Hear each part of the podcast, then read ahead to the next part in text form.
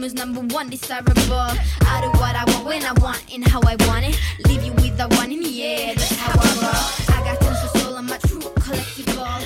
Famous halloo, halloo, halloo, ausad naised-kuulajad, mina olen Elis ja täna salvestame ProGeari ruumides, kuna armas Ruumiumi koht pidi kolima ja ja teate, ei olegi enne saade, saate salvestamist äh, nii nagu närvis ja selline elevil olnud, et selline ootusärevus on olnud ikkagi, et, et tänase külalisega kohtuda, et äh, minu teada me salvestame täna ka seitsmekümne seitsmendat saadet ja küsimusi on palju ja mulle on tulnud külla väga särav ja eneseteadlik äh, naine Laura Valk, tere tere, äh,. kuidas sa end tunned praegu enne saate salvestust? väga hästi. Juhuu mul on äh, Laura kohta ka väike lõik, tutvustuslõik. Laura võib siis täiendada ise ja vaatame, kuidas sujub. Laura Valk on en- energiaterapeut, kus ta tegeleb siis peresüsteemide sisemise lapse eelmiste elu tervendusega, samuti on ta Osho aktiivsete meditatsioonide juhendaja, naiste enesearmastuse õpetaja ja nüüd on ta ka joonimassaažiterapeut läbi Osho aktiivsete meditatsioonide ja naist äh,, naiste kehapraktikate ning massaažiga aitab ta vabastada blokeeringuid ja traumasid kehatasandilt. ja Laura usub, et iga inimese elukvaliteet sõltub sellest, kui palju me arvame, et elu, et enda alateadlikult armastust väärt olevat ning kui suur on armastuse puudus või kogus meie hingetasandil. kõik saab alguse meie enda suhtest iseendaga. Voila nii ilus minu arust jaa, ilusasti äh, kirja pandud äh,. kas sa, minu küsimus on võib-olla see, et kas sa naudid avalikkuse tähelepanu või avalikkuse ees esinemist, et äh, kuidas sa ennast tunned üldse podcast'is ka nagu käies ja nii? no rääkimisega mul probleeme ei ole, nagu võib-olla need, kes mind teavad, näinud on ja kuulnud, aga ma ei ole selline väga avalik inimene, et siin on minu jaoks äh, käärid, sest äh, enne kui ma seda teraapia asja tegema hakkasin, siis äh, ma olin täiesti sotsiaalmeedias, kõik oli kinni. ma nagu enda eraelu isegi seal siis ei näidanud ja et ma olen selline hästi privaatne.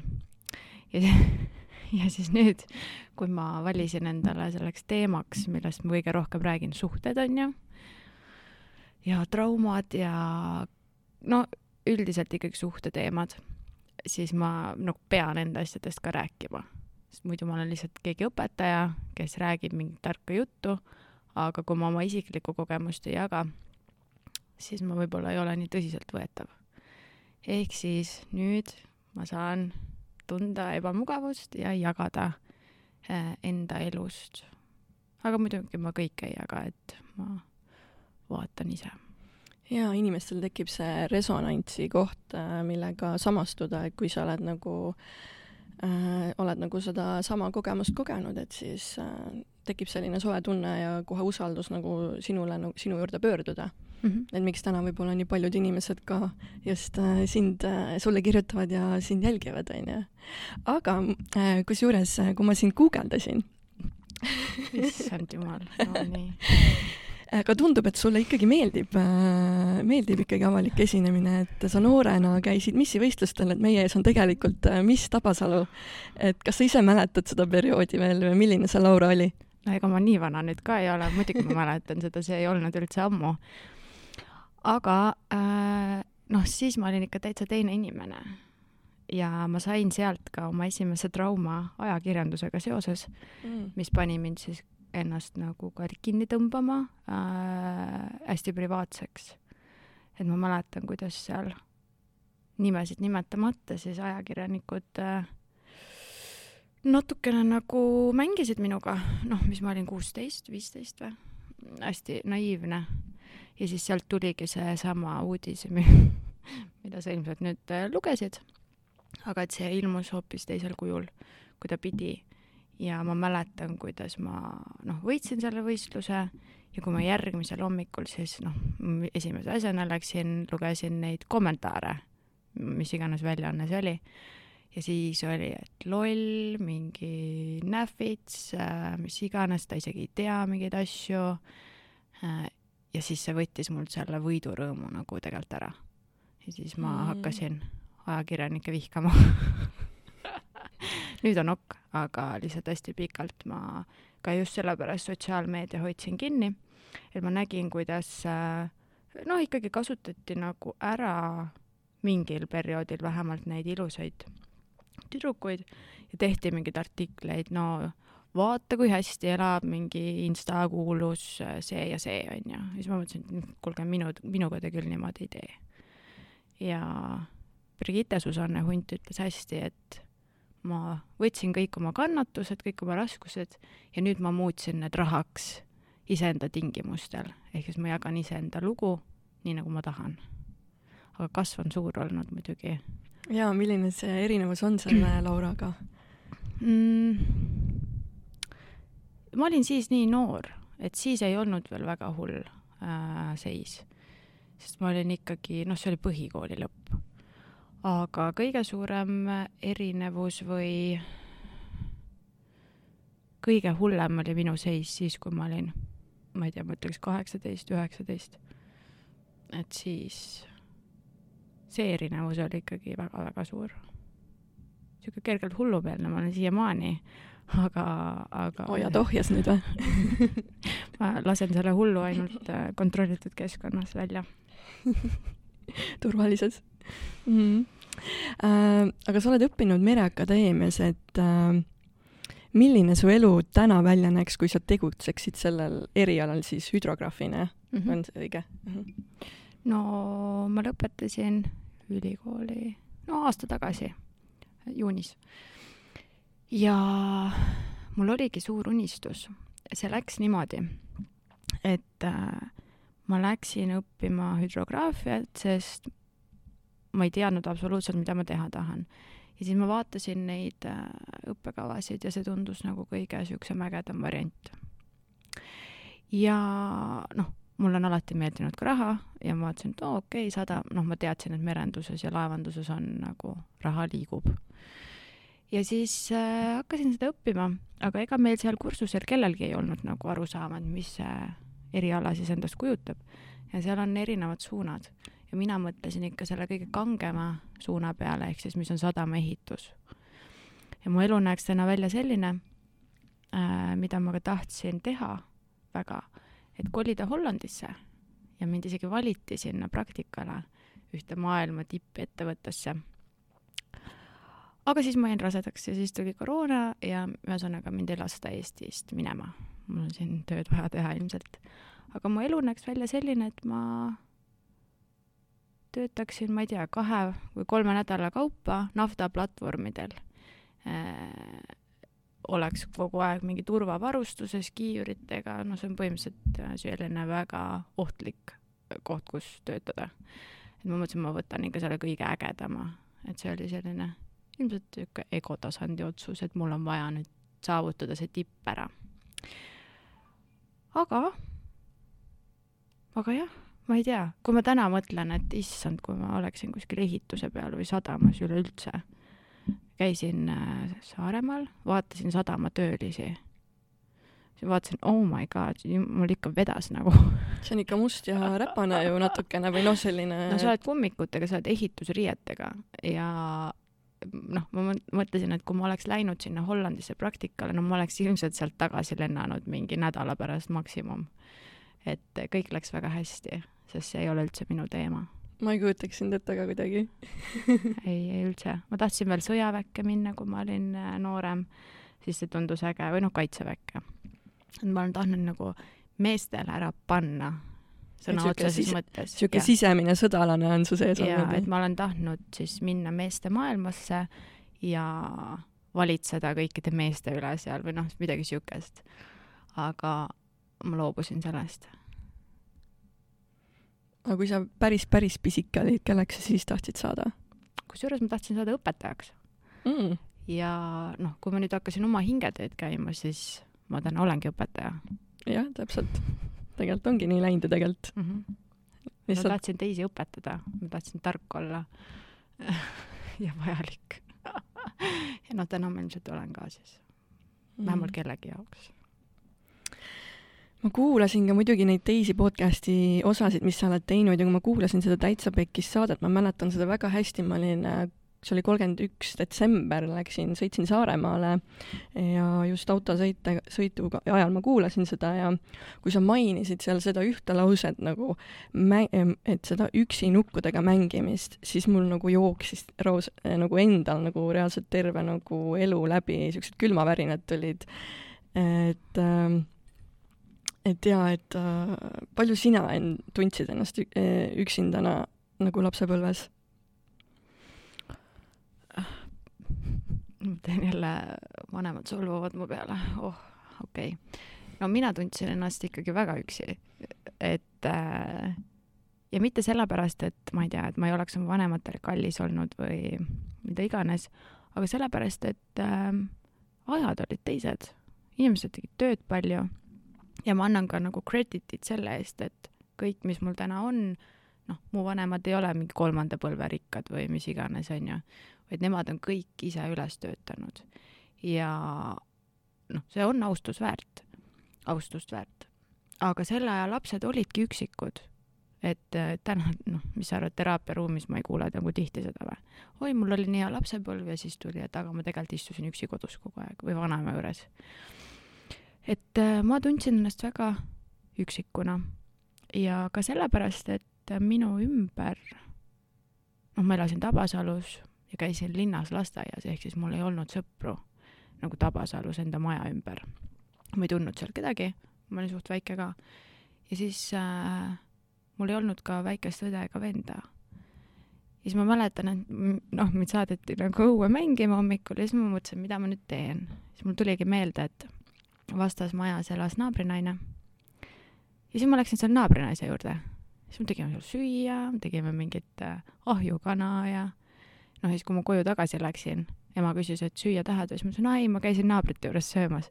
noh, siis oli jälle, oli skandaal sellest, et nagu naabrid arvavad, et me ei toida sind piisavalt või noh vabandust, ema.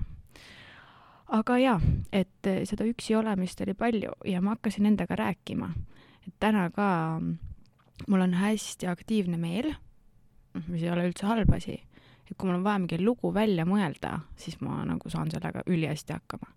sest ma kodus olles ma rääkisin iseendaga hommikust õhtuni ja kogu aeg mingi dialoog käis. ja kui ma praegu tahan, noh näiteks kui ma teadlikult ennast ära ei vaigista, siis ma võin iseendaga rääkida nagu oma peas lõputult, lõputult mingit, käia teises maailma otsas, mõelda mingid megalood välja nagu noh, kui seda ei oska kontrollida millega inimesed tihti tulevad ka meditatsioonidele, ongi see, et ma ei suuda mõtlemist lõpetada.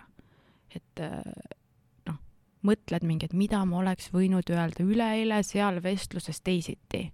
ja siis mõtled, mõtled, mõtled ja see kulutab nii palju energiat. aga noh, kui õppida sellega nagu toimetama, siis on fine. Okei okay. äh,. jaa, see ressursi koht või tähendab see mõtle, mõtete nagu kinnipanek tõesti nagu on sihuke, tahtsin midagi öelda siit, aga okei okay, äh,, lähme edasi äh,. kas äh,, kui sa oled nagu seda peresüsteemides enda nagu siis äh, perekonda vaadanud ja üldse suguvõsa, siis äh, milline on äh, nagu olnud see nii-öelda sinu armastuse allikas, ressurss? Ikka oled ju nagu natukene noh, vaadanud mm täpsusta küsimust, sest armastus saab ja alguse see... meie enda seest ja. ja meie võime seda vastu võtta mm. -hmm. just, et see võime siis äh, vastu võtta ja. seda armastust ja, ja milline see on olnud äh,? väike või noh, madal ähm,. noh, siin on jälle see, et, et kui ma räägin endast, siis tundub nagu mul olid kohutavad vanemad, aga tegelikult on äh, peaaegu kõigi selle aja inimeste story täpselt sama. rõhutan üle igaks juhuks, et mu peale ei solvutaks. aga ähm, äh, noh, paljudes äh, praegu on hästi palju tulnud neid töid ja neid kliente ka, kus on mingid vanemad kuskil näiteks vägistatud sõja ajal. Ülipalju, no tõesti. noh, ja see võib-olla jääb rohkem kõrvu ka selle Ukraina teema pärast, on ju, ja seal toimub praegu sama. aga ega meil siin Eestis ei, ei olnud ka hästi. aga naised ei räägi sellest ja noh, eriti nad ei räägi oma lapselastele sellest, et oi, teate, ikka sõja ajal mind vägistati. Äh, ja need on olnud grupiviisilised vägistamised, väga räiged või siis on olnud küüditamised, on ma ei tea, mehed surma saanud, on olnud lihtsalt raske elu, sundabielud, Eestis olid ka ilma armastuseta või noh, kokkuleppeabielud, on ju. ja kui naine, noh, meestel on seal oma teemad, aga kui me räägime naisliinist, kui naine elab niisuguse asja läbi, ta ei suuda enam armastada. ei mehi, noh, mehi võib-olla hakkavad üldse vihkama, on ju, neid on ka täiega palju aga nad ei suuda ka oma laste jaoks olemas olla. Noh, lisaks on veel katkenud rasedused, abordid, sest sa jääd sinna traumasse kinni, kuna noh, sada aastat tagasi ei olnud oskust äh,, ei olnud oskust äh, nende asjadega toime tulla. nii, sa jääd sinna kinni ja siis on nagu see armastuse puudus hakkab niimoodi, et ma ei armasta oma lapsi, nemad on katki, nemad ei suuda oma lapsi armastada. Ja siis see niimoodi käib.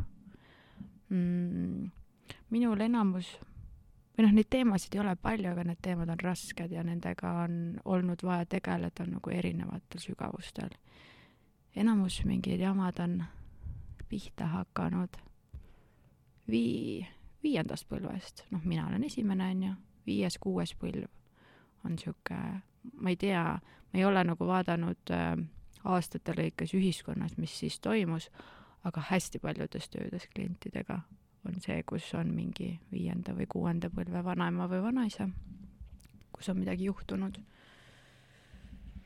mina tegin ka läbi peresüsteemi ja mul tuli ka naisliin sinna ja siis äh, tuli ka just, et armastus hakkas liikuma alles viiendast äh, põlvkonnast, nagu seal oli mingi blokeering ja siis järgemidi kõik hakkasid, läksid lapseks ja hakkasid seal nagu kasvama mm. -hmm et äh, selline protsess seal nagu toimus, et äh, see oli päris nagu võimas näha seda kõrvalt ise nagu kõrvaltvaatajana, mis -hmm. sul nagu seal nagu toimub.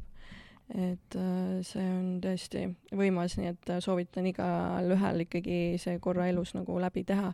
Mhm. noh, kellel muidugi, kui midagi ei ole, siis noh, ei ole võib-olla mõtet või kuidas? seda ma ütlen ka alati, vahepeal mulle kirjutatakse, et ma tahaks teraapiasse tulla, aga mul pole põhjust nagu noh, siis mu esimene mõte on see, et no sa lihtsalt ei teadvusta endale neid põhjuseid, muidugi sul on põhjused mm., aga mina ei hakka sulle diagnoosi panema äh,. sellepärast esimene küsimus, mida ma küsin, kui inimene maha istub, on see, et nii, noh, kuidas ma saan sind aidata või miks sa tulid siia ja siis äh, ja siis ma, no ma ei tea, noh, et ma ja siis hakkab kooruma ja nad hakkavad rääkima. aga sellist asja, noh äh,, sellist asja, et oo, et käid kõik teraapiad ja no ma ei tea, konstellatsioonid ja rännakud ja kõik asjad läbi lihtsalt sellepärast, et sa oleksid äh, spirituaalne. see on nagu äh, noh, et sul peab olema või võiks olla algpõhjus. ma tunnen ennast igapäevaelus, ma ei tea, mul on ärevus, mul on stress, äh, ma töötan üle, noh, et kuskilt võiks nagu pihta hakata, et niisama ei ole mõtet neid noh, surnuid nii-öelda torkida seal. või ma tulen sinu juurde, et vaata nüüd, mis mul on, anna mulle siis need see vastus, mis ma saan, onju. no sõna energiateraapia tekitab seda noh, kuna meil on ju igasuguseid tervendajaid ühiskonnas olnud, kelle juurde lähed, ma ei tea, siis nad katsuvad sind argivahest ja igalt poolt mujalt, onju. ma selliste asjadega ei tegele, et ma ei pane sulle kätt kuhugi emaka peale ja ei ütle sulle, et nii, tundub, et sul on siin blokeering, onju, me peame seda nüüd avama joonimassaažiga. et äh, et ma selliste asjadega jah, ma nagu ei viitsi, ma ei pane neile diagnoosi, et kuigi ma näen neid asju, mis tšakras midagi toimub selle energiatervenduse ajal, siis ma ei lähe neid katsuma ja ma ei lähe neile ütlema, et sul on see viga või see viga, sest see ei aita inimest. noh, see peab, sul peab ise läbi enda taipamise see tulema mm. -hmm sa mainisid ennem, nüüd mul tuli meelde see aktiivne meel, kus sa iseendaga rääkisid, et palju sa tekitasid iseendale tegelikult probleeme sellega, et sa mõtlesidki reaalselt nagu mingid äh, lood ja enda tõlgendused välja, mis tegelikult üldse ei olnud, vaata niimoodi mm. -hmm. Ja, et, äh, et ma usun, et see võiski tekitada väga palju siukseid konflikte tegelikult enda argipäevas ka. nojah, sest äh, sa kütad ennast ülesse sa noh, kui on eriti mingid suhteteemad, on ju, ma ei tea, no näiteks äh, äh, mul on kaaslane ja ta vastab sinu, minu sõnumile kuidagi nagu niimoodi, et ma loen seda oma peas, on ju, oma häälega. ja kui ma loen seda juhtumisi mingi sõjaka häälega või nagu siukse nähvava, siis ma, siis tuleb esimene mõte, oot-oot-oot, mida sa mulle praegu nagu ütlema tuled, on ju. nii, ja siis, kui sa nüüd lähed selle, selle konksu otsa, siis see asi võib kedrata niimoodi, et te lähetegi lõpuks tülli. aga teine inimene ma ei tea, võib-olla ta, ta ei, ta ei saa üldse aru, mis toimub, Mhm. onju. oligi kiire, väike kiire Mhm. mess, onju. et äh, mõtled need lood nagu enda peas välja ja elad siis kas tulevikus või minevikus.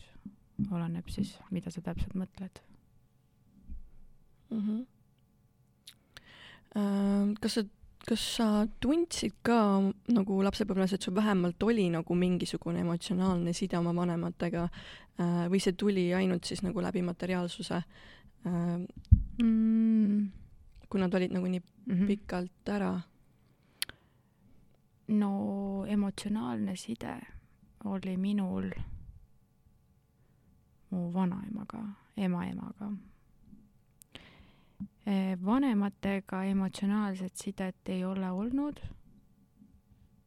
vähemalt eh, noh, teadlikud mälestused mul hakkavad, kui ma olin mingi kolm onju. paar üksin, üksikut mälestust on sellest varem ka, aga teadlikes mälestustes mul ei ole olnud nende kummagagi emotsionaalset sidet ja noh, tegelikkuses ei ole ka täna. et see on selline, et me oleme nagu pereliikmed, aga ma julgen väita, et ma ei tunne oma isa nagu päriselt. ma ei tunne oma ema päriselt ja nemad ei tunne mind ka. et meil on mingid äh, perspektiivid äh,, mälestused, näiteks äh, tihti ma tunnen, mulle heidetakse ette seda, milline ma olin teismelisena. noh, et liiguks edasi juba sellest, ma ei ole seesama inimene enam. ja, aga minul on samamoodi.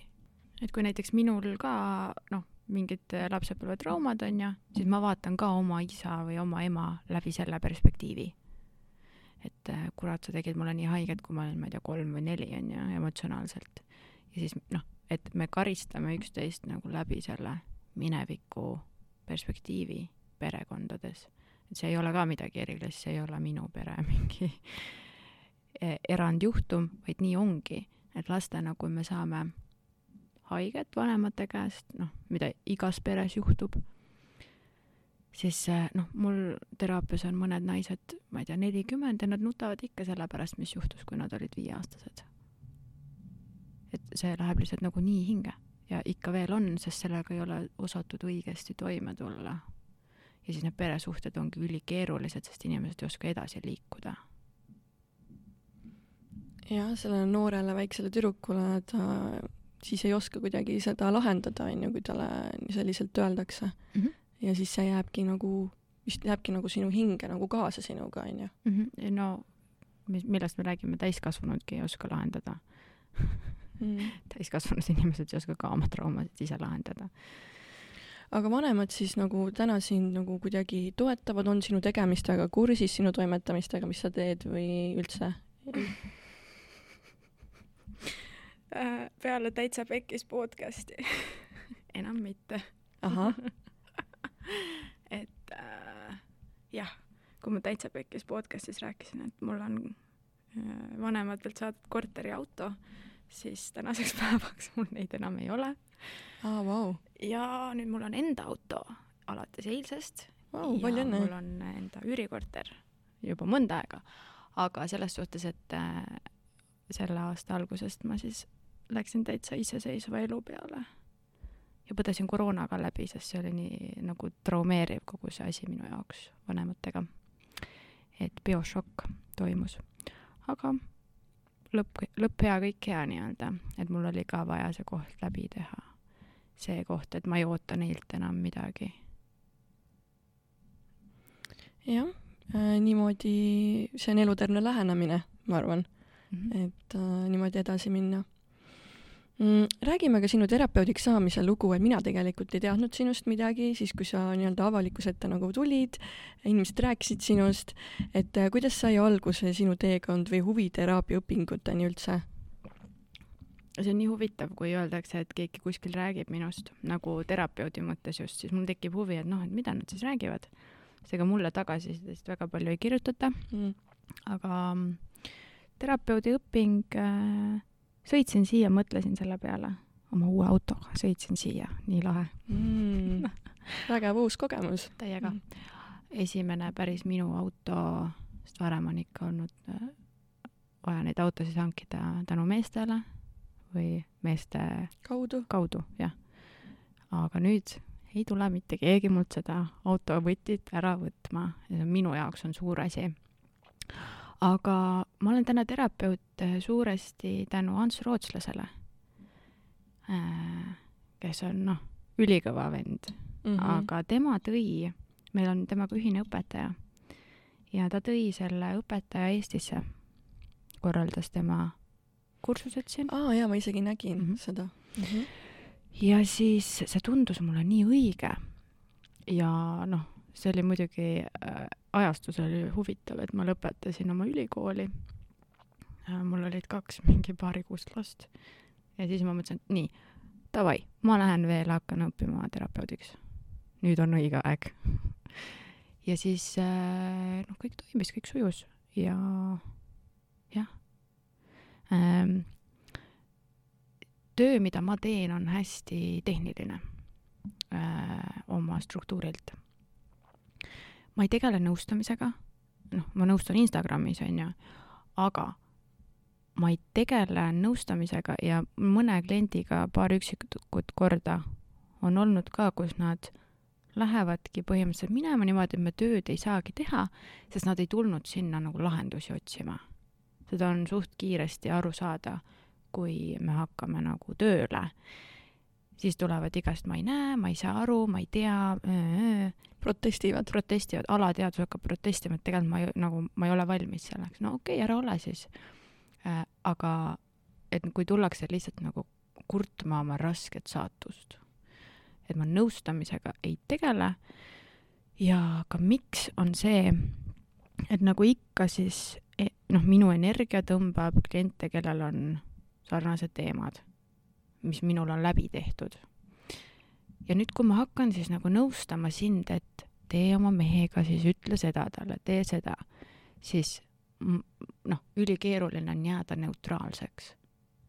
sest ma tegelikult räägin nagu oma lugu, mida ma oleks tahtnud öelda oma mehele, onju. et äh, tihti on kaassõltuvusega on ka, kaassõltlased on üldse huvitavad äh, tegelased, aga sõltlastega samamoodi et sa saad nagu sellest rattast korraks välja ja siis pumm, sa oled kaas, kaassõltuvus kogemusnõustaja juba. või sõltuvuse kogemusnõustaja või koduvägivalla kogemusnõustaja ja siis sa hakkad nõustama, aga tegelikult sa oled ise veel katki. ja siis sa nõustad, nõustad, nõustad, nõustad, aga nagu noh, kes sellest lõpuks võidab, ma ei tea.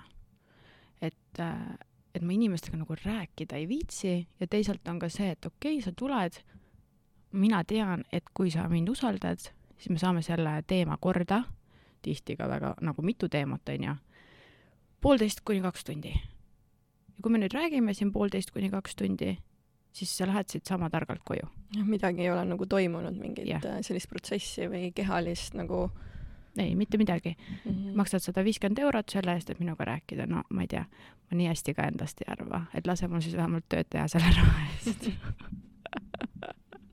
aga sa oled oma töös kasutanud väga huvitavaid väljendeid nagu mingi lekkiv emakas ja mingid muud siuksed terminid, et äh, mis need endast kujutavad? sa oled põhjalik olnud, ma olen, ma arvan, seda lekkiva emaka asja ühe korra kuskil ainult öelnud mm. aga ma õppisin Monika Palmi käe all või juures siis äh, emakaruumi tervendamist läbi vabastava hingamise ja läbi, no see on ikkagi rännakumeetod pigem. ja lekkiv emakas on siis see, kust lekib energiat ja kui sa nüüd mõtled, on mingi kindel tüüp naisi, kes hoolitsevad kõigi teiste eest.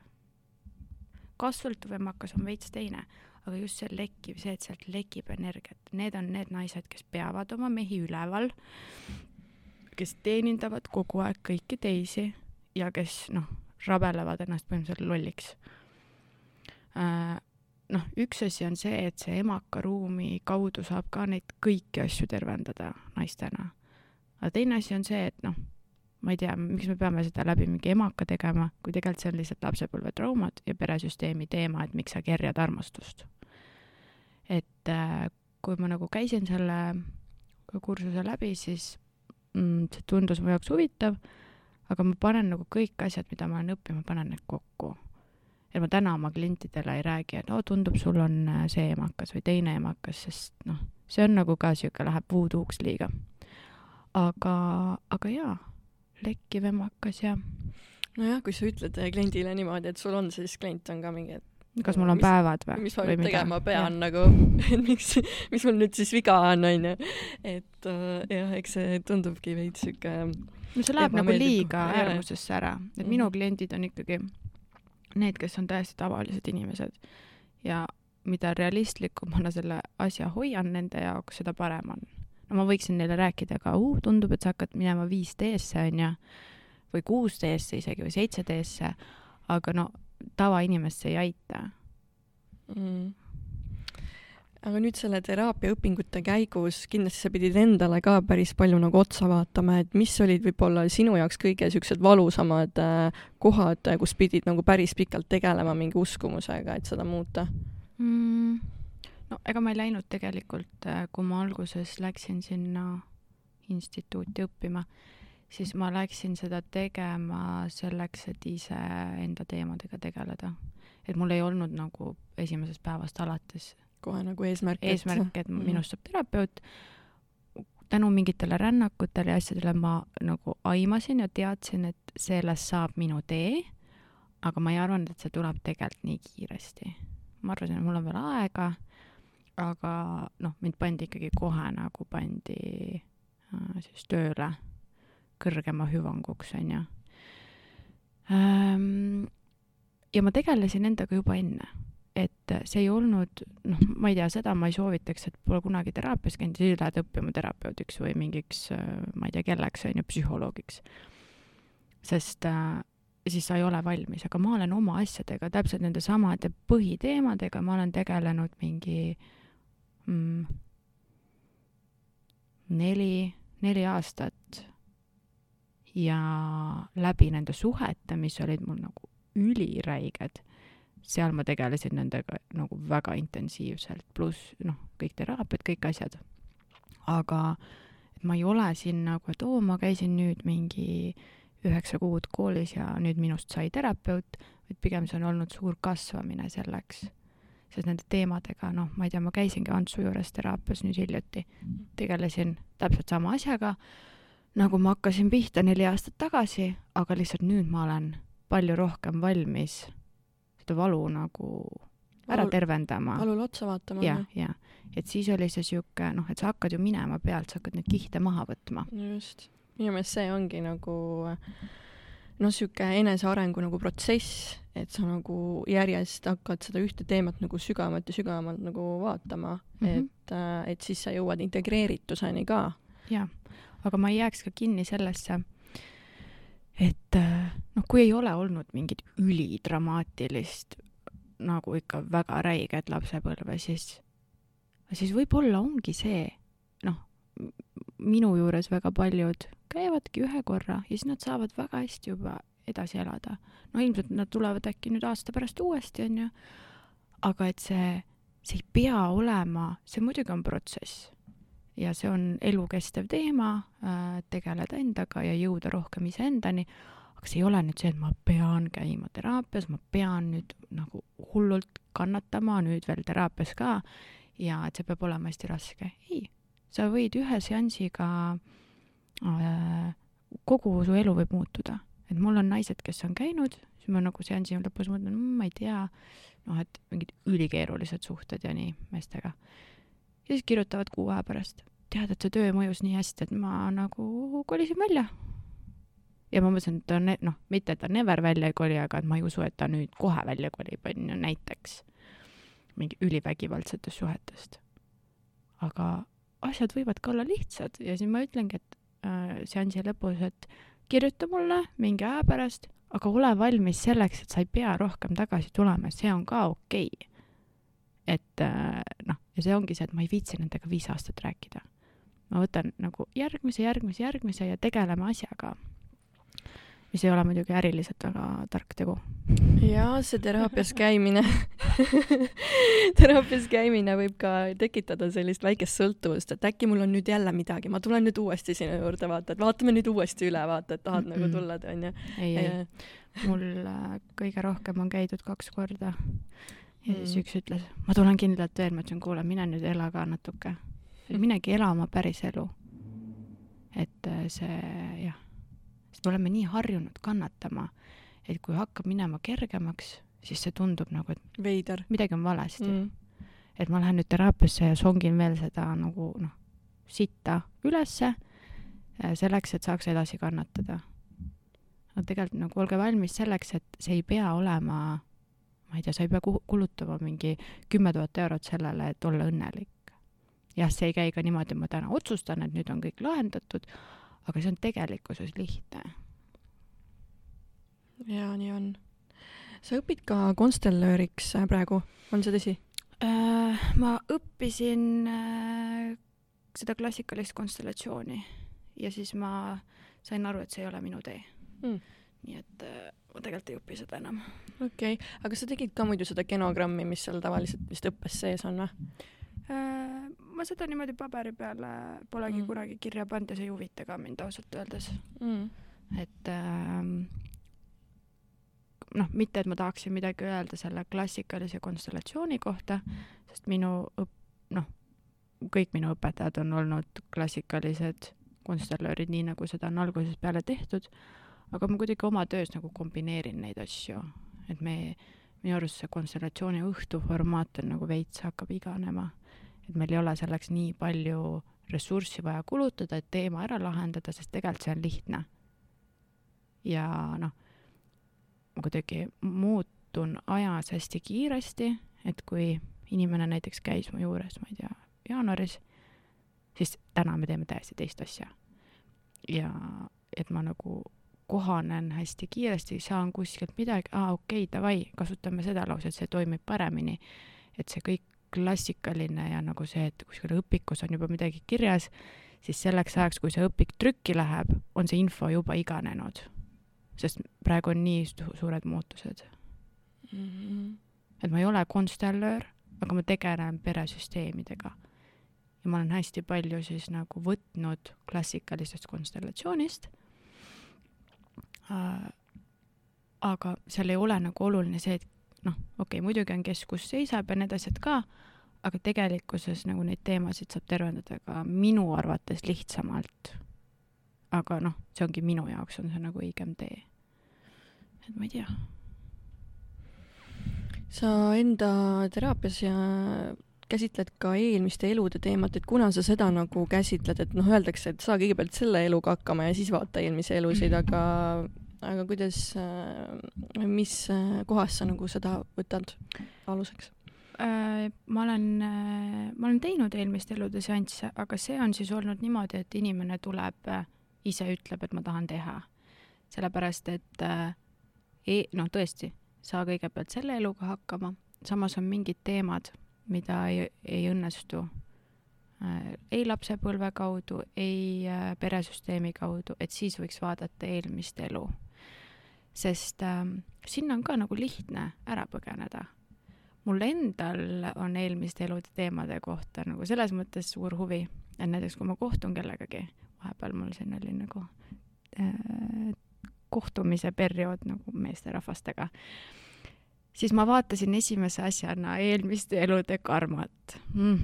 noh Äh, ja, ja enamus nad siis olidki kõik olnud mul kas mingid pojad või ma olin olnud nende tütred, onju. ja siis sa saad kohe aru, miks sul inimesega side on. ja siis see huvi kaob tegelikult ära ka, sest see nähtamatu on toodud nähtavaks. aga noh, näiteks, noh, ma täna olen siis suhtes ja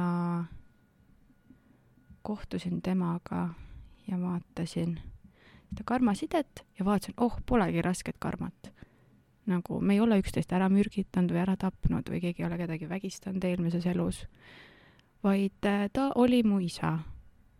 ja ta tuli siia ellu mind aitama põhimõtteliselt ja no, noh, et me olime kuskilt vaesed talupojad, ma olen enamus eelmistes eludes olnud ülivaene. Mm,, üli nagu palju tööd teinud ja sellepärast ka ma usun, et see elu on mul selline külluslik, et ma olen oma töö ja kannatuse nagu ära kannatanud. aga ta tuligi mind aitama, sest äh, isana tal ei õnnestunud seda kunagi teha siis kuskil talupoegade ajastul. ja siis äh,, ja et kõige suurem õppetund siis või noh, et mis see teema meie vahel oli, oli see, et ma saaksin kätte selle tunde, et ma saan ise hakkama. Sest ma alguses ütlesin, et oo, et ta on minu turvatunne või tema on minu rahu. noh, aga kui alati, kui sa tahad väljastpoolt midagi saada, siis sa natukene nagu satud selle lõksu. et sa hakkad seda, mitte sellel järgi jooksma, aga sa hakkad sellest sõltuma. ja noh, ma olen alati meestelt mingit põhiliselt turvatunnet tahtnud nagu ja siis maksnud suht räiget hinda selle eest ka aga ühesõnaga tegin siin ühe selle protsessi läbi mitte väga kaua aega tagasi ja käisin Antsu juures ka. ja siis äh,, ja siis jah, siis ma sain selle turvatunde nagu ka nüüd temaga seoses ka iseenda seest kätte. ja siis nüüd on noh, täitsa chill, ülihea. normaalseid mehi on ka muideks olemas, naised, tuletan teile meelde. see on teie märk universumi poolt praegu. et pakkige kohvrid oma nende Äh, nõmedate meeste juures, kes teid halvasti kohtlevad. kas see kohvrid ukse taha merch siis tuleb või? ei, ma, ma ei viitsi seda teha. kui keegi teeks selle minu eest ära, minuga koos ja see oleks kvaliteetne ja kõik see, siis davai, ma võiks nagu teha seda, aga mul endal see ei ole nagu minu suund, et samamoodi mul oli vestlusõhtu, see on üliäge sõbrannad ütlesid, et hakkagi tuuritama ka mööda Eestit, siis ma ütlesin, kuule, no tahan olla Eesti kuulsam terapeut, mitte Eesti kuulsam jutuvestja või meelelahutaja, et ma ei ole meelelahutaja. see on mhm. turundus praegu. aga jah, et äh, ühesõnaga eelmiste elude teema. ja siis äh, minu õpetaja ütles selle kohta seda, no põhimõtteliselt kõik, noh, ka meil see nagu teadlik kogukond, kes siin on, no me tegelikult kõik teame üksteist varasematest eludest ja kui sul on kellegagi hästi tugev side, no ma ei tea, ruumi teises otsas on mingi mees, on ju, vaatad, et sihuke nagu vana tuttav, tekib see tunne, et me oleme kuskilt tuttavad. noh, naistega on ka seesama asi. siis äh,, siis kui sa ei tea, miks see side on, siis on suur tõenäosus, et sa lähed ja magad temaga selle sideme pealt, on ju, et oh, meil on nii hea connection. ja siis mu õpetaja ütles, et aga kõikide meestega, kellega nagu mingi side on, ei ole ju mõtet magada. et vaatad selle eelmise elu karma ära, siis saad teada, et aa, et tegelikult oli mu poeg, on ju, saad aru, mis seal see teema ka oli, mis jäi lahendamata või et me olime abielus. siin äh, mitu kõva terapeuti äh, on olnud minu abikaasad kuskil vanasti et äh, ühesõnaga saad aru, mis see teema on ja siis see nagu ei võimutse enam ja siis kaob huvi tegelikult selle mehe vastu ära. ei ole sellist nagu pinget enam seal taga no, siis? ei olegi, saad aru, et aa, okei okay,, meil oli, ma ei tea, käisin kohvil üliammu, mitte üliammu, aga noh, nagu ikkagi ammu juba mingi pool aastat tagasi, isegi rohkem, ühe tüübiga. ja siis räägime ja küsis mu käest hästi palju neid enesearengu küsimusi, veits mõtlesin, et nagu ma oleksin kuskil intervjuul, onju. ja enam ma üldse kohvil meestega ei käi, see on mõttetu see oligi viimane kord. ühesõnaga, ja siis ütleb, et kuidas sul eelmiste elude teemadega on, et ma tean sind vanast Egiptusest.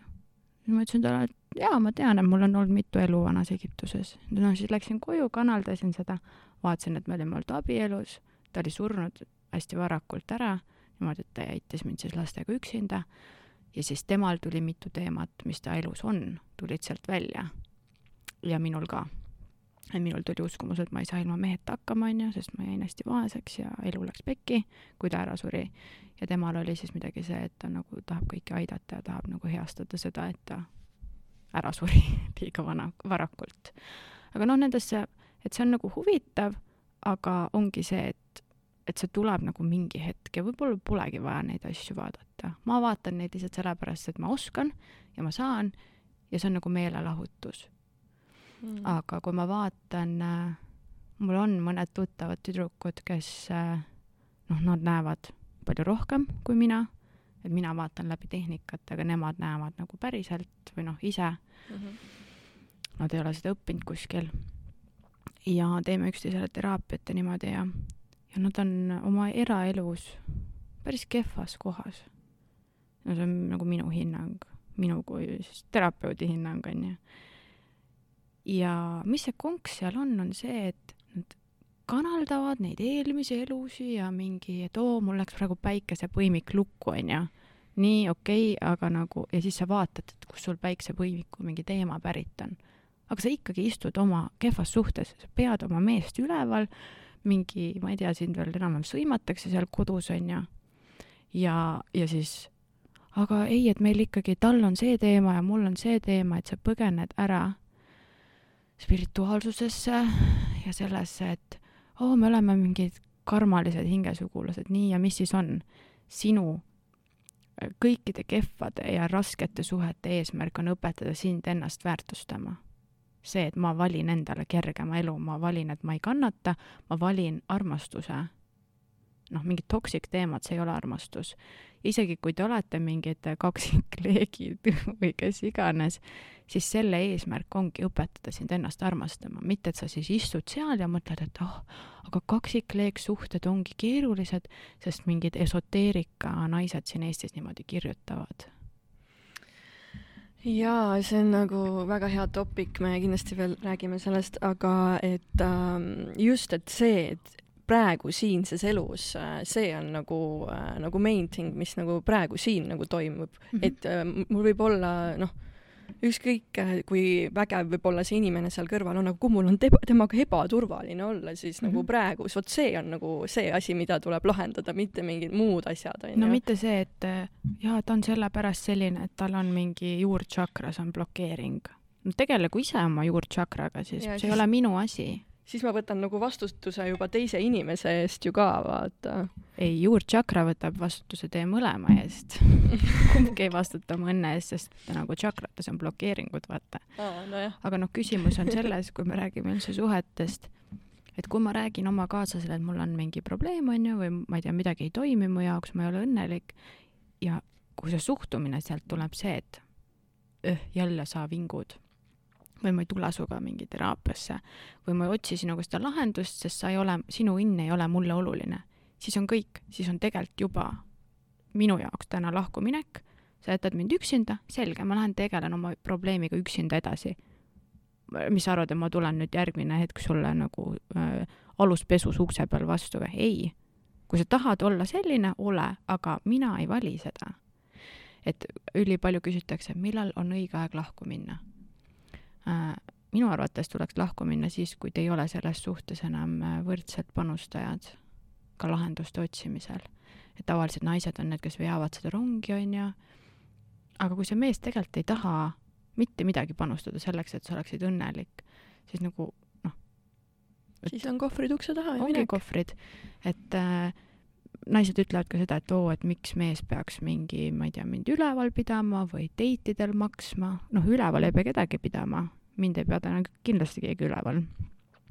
aga noh, et kui sa arvad, et sa ei ole väärt äh, ühte taldrikutäit toitu või kui sa arvad, et sa ei ole väärt seda, et kaaslane sulle naistepäevaks lilli toob või teeb seda, mis on sinu jaoks oluline, noh, siis see on sinu teema iseendaga siis ei ole mõtet sõimata või mingi solvata minusuguseid, kes julgevad elada teisiti, vaid see on sinu probleem iseendaga ja mine vaata siis nagu peeglisse. kui sa arvad, et sa ei ole väärt enamat kui tund aega kellegi nädalast, näiteks mm,. nii on jah me läksime praegu just äh, suhete peale ära, ma tahaks veel mõned äh, teraapia küsimused küsida, et äh, ma tulin looma korrapäratust sinu korrapärasesse aa oh, ei, noh, ei ole midagi. Siin ongi niimoodi on the flow onju. aga et, et sa ma olen ka mõningaid neid Osho aktiivmeditatsioone läbinud, et kui sa nendega oled algust äh, teinud, noh, kui sa tegid, et mis sinu jaoks selline oli võib-olla kõige ro rohkem selline ahaa-moment või mis muutis sinus nagu äh,, mis muutusi võib-olla see sinus esile tõi siis mm,? kuna mul ei ole olnud äh, probleeme eneseväljendusega või enda väljaelamisega on kahte sorti inimesi põhimõtteliselt laias laastus. Need, kes suruvad alla emotsioonid, nemad äh, tihti vaevlevad ärevushäirete käes ja need, kes lähevad hulluks, noh, kui me räägime lapsepõlvest ka, on ju, kes on need lapsed, kes karjuvad poes, neil ei ole ärevushäireid. noh, neil on mingid muud teemad, aga nad tavaliselt on terved füüsiliselt, sest nad ei suru asju alla. mina olen alati olnud see teine tüüp, see hull. Üliraske laps, on ju, üliraske kaaslane ka olnud, et äh, jah, ma annan äh, seda krediiti oma kaaslasele, et minuga ei ole alati kerge. Aga kui ma suruksin kõik alla, siis ma täna noh, võib-olla väriseksin nagu haavaleht ja, ja ei tunneks ennast võib-olla väga mugavalt ka oma kehas. aga Osho aktiivsed meditatsioonid, no kõige kuulsam neist on äh, dünaamiline meditatsioon ja noh, see on tõesti ärevushäired, depressioon, kõik need asjad, kus sa oled ennast proovinud ära tuimestada ja kõik asjad alla surunud.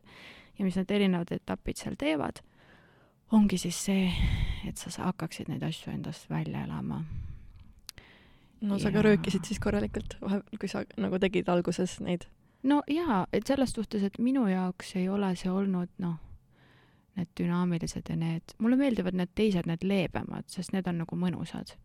Aga protsessina on dünaamiline ja mandala ka neist kõige vajalikumad ja just see, et saada kehast välja. no mul on kõik kehast väljas juba. ma käisin oma lasteisaga eile poksiringis kaklemas. tema mm. muidugi mind ei löönud, sest kui mees lööb naist, siis on ju koduvägivald aga naised lubavad endale kahjuks äh, liiga palju. see oli nali muideks, ärge palun tsiteerige mind kuskil. ühesõnaga, käisime ka kaklemas. Ja siis äh, ja siis ta ütles, no nii, Laura, kogu selle alanduse eest, mida ma olen sulle teinud, davai, viruta mulle nüüd ja siis ma ütlesin, et ma ei tea nagu, ma ei saa kontakti selle kohaga, sest ma olen ennast juba noh, välja karjunud ja välja sõimanud su peal ja teen et, seda et, jooksvalt. et seda sisemist viha nagu ei tekkinud, et praegu nüüd ja. on juba empaatia nagu sihuke kaudne võib-olla armastus või noh, sihuke nagu no, armastusega vaata. lastega on see, et äh, neid olmeteemasid on mm. palju ja mm. need tulevad jooksvalt, aga noh, et siis ma nagu maandan ennast läbi, kas siis no ma ikkagi tõstan häält, jah, ma ei saa öelda, et ma olen mingi zen master siin, et ma ikkagi väljendan ennast päris häälekalt, kui mulle midagi ei sobi. et ja siis ma ei pea käima poksiringis selle jaoks. et ma ei ole sisemiselt nii vihane, ma arvan, kuna ma tegelen sellega jooksvalt.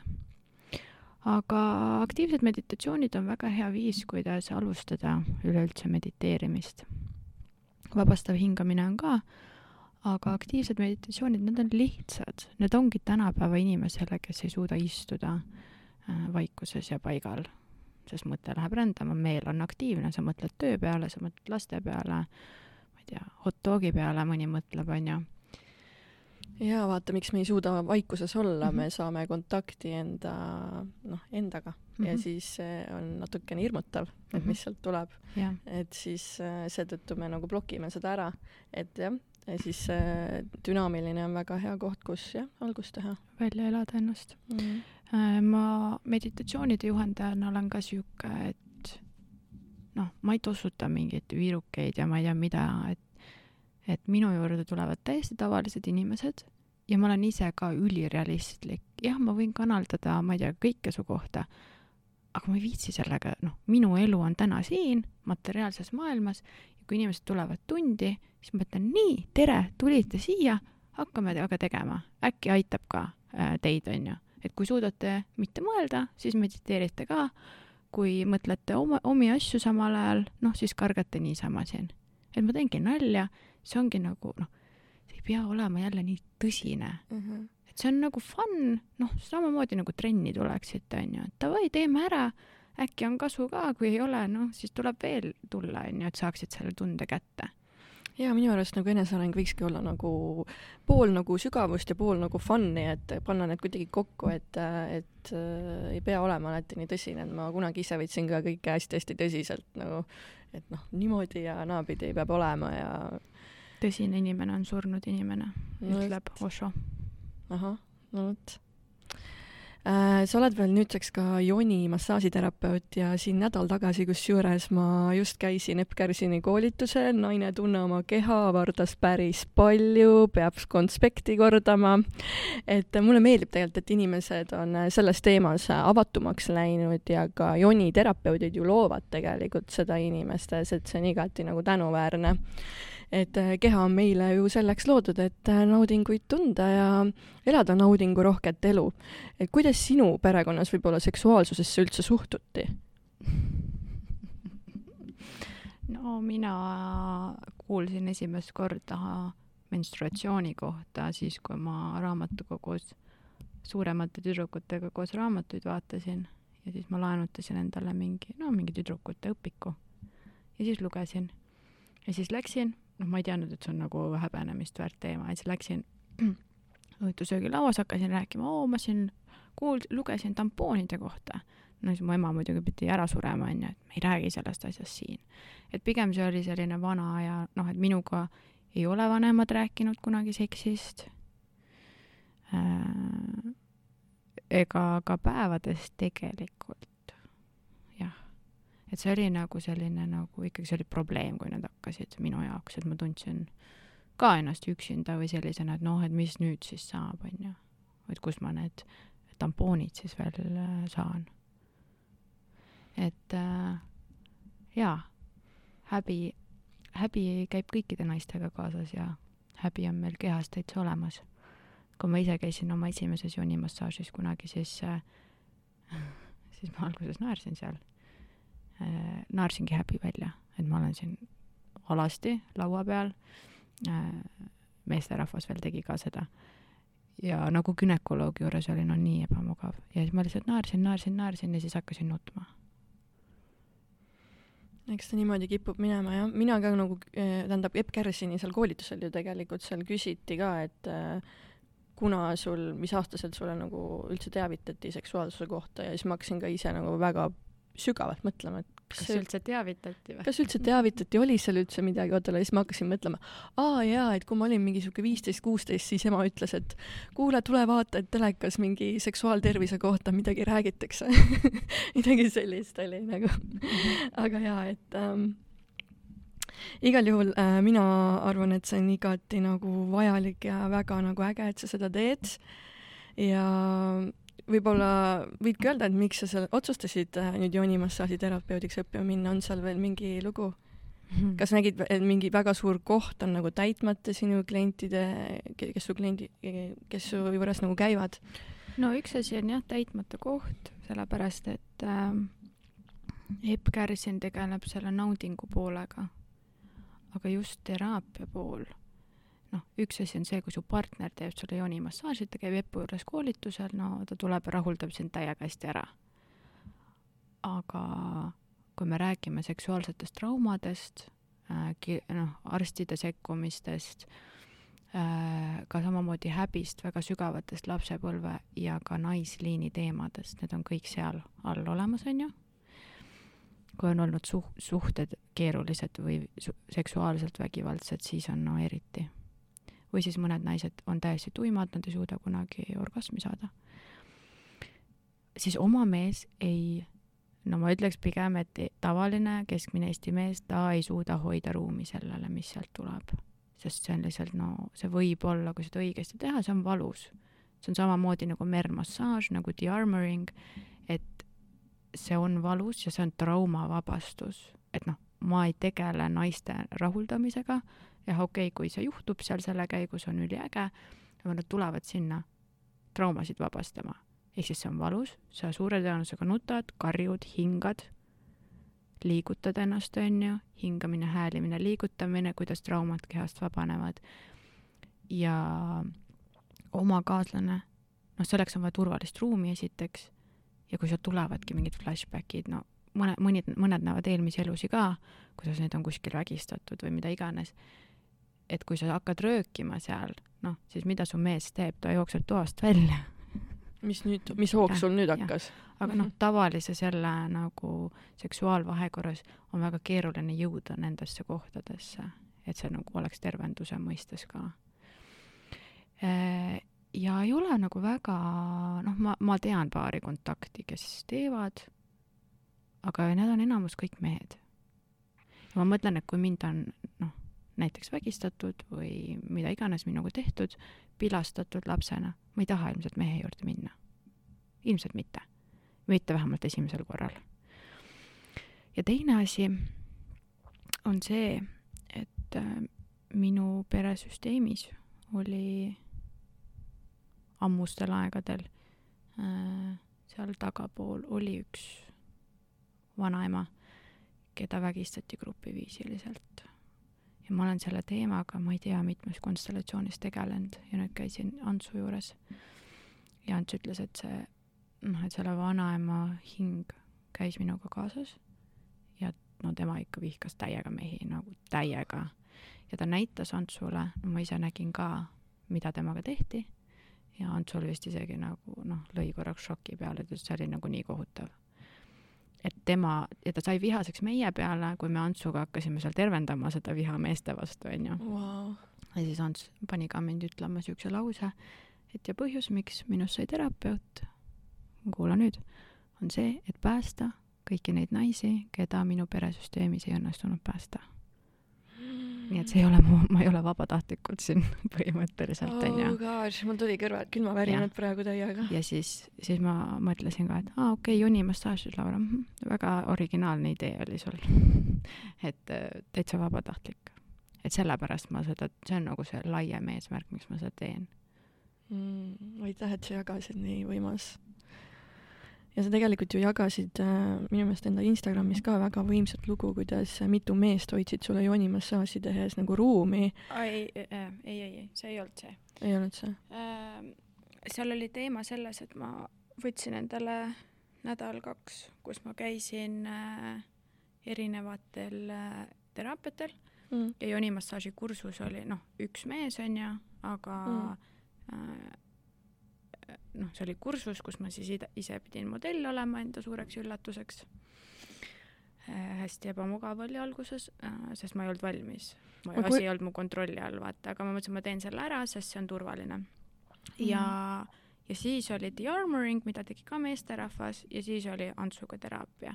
aga et see kogemus oli see, et oli kolm meest mingi perioodi jooksul, kellega ma sain teraapiaga tegeleda niimoodi, et mul oli tõesti nagu lõpuni turvaline mm. -hmm. see on hästi oluline. jah mm -hmm. see joonimassaaž, kolm meest korraga, see võib nagu vale mulje asjast jätta. ja, ja täpselt äh, okei, et äh, jaa, mina olen ka ainult äh, naisterahva juures kusjuures käinud ja kui ma kuulsin, et sa käisid meesterahva juures, siis mul nagu ka endal veel nagu sihuke ei tundu veel nagu turvaline, aga eks ma siis natukene nagu mm -hmm. mudin ennast no mm. sellega on ka see asi, et see alati ei olegi turvaline.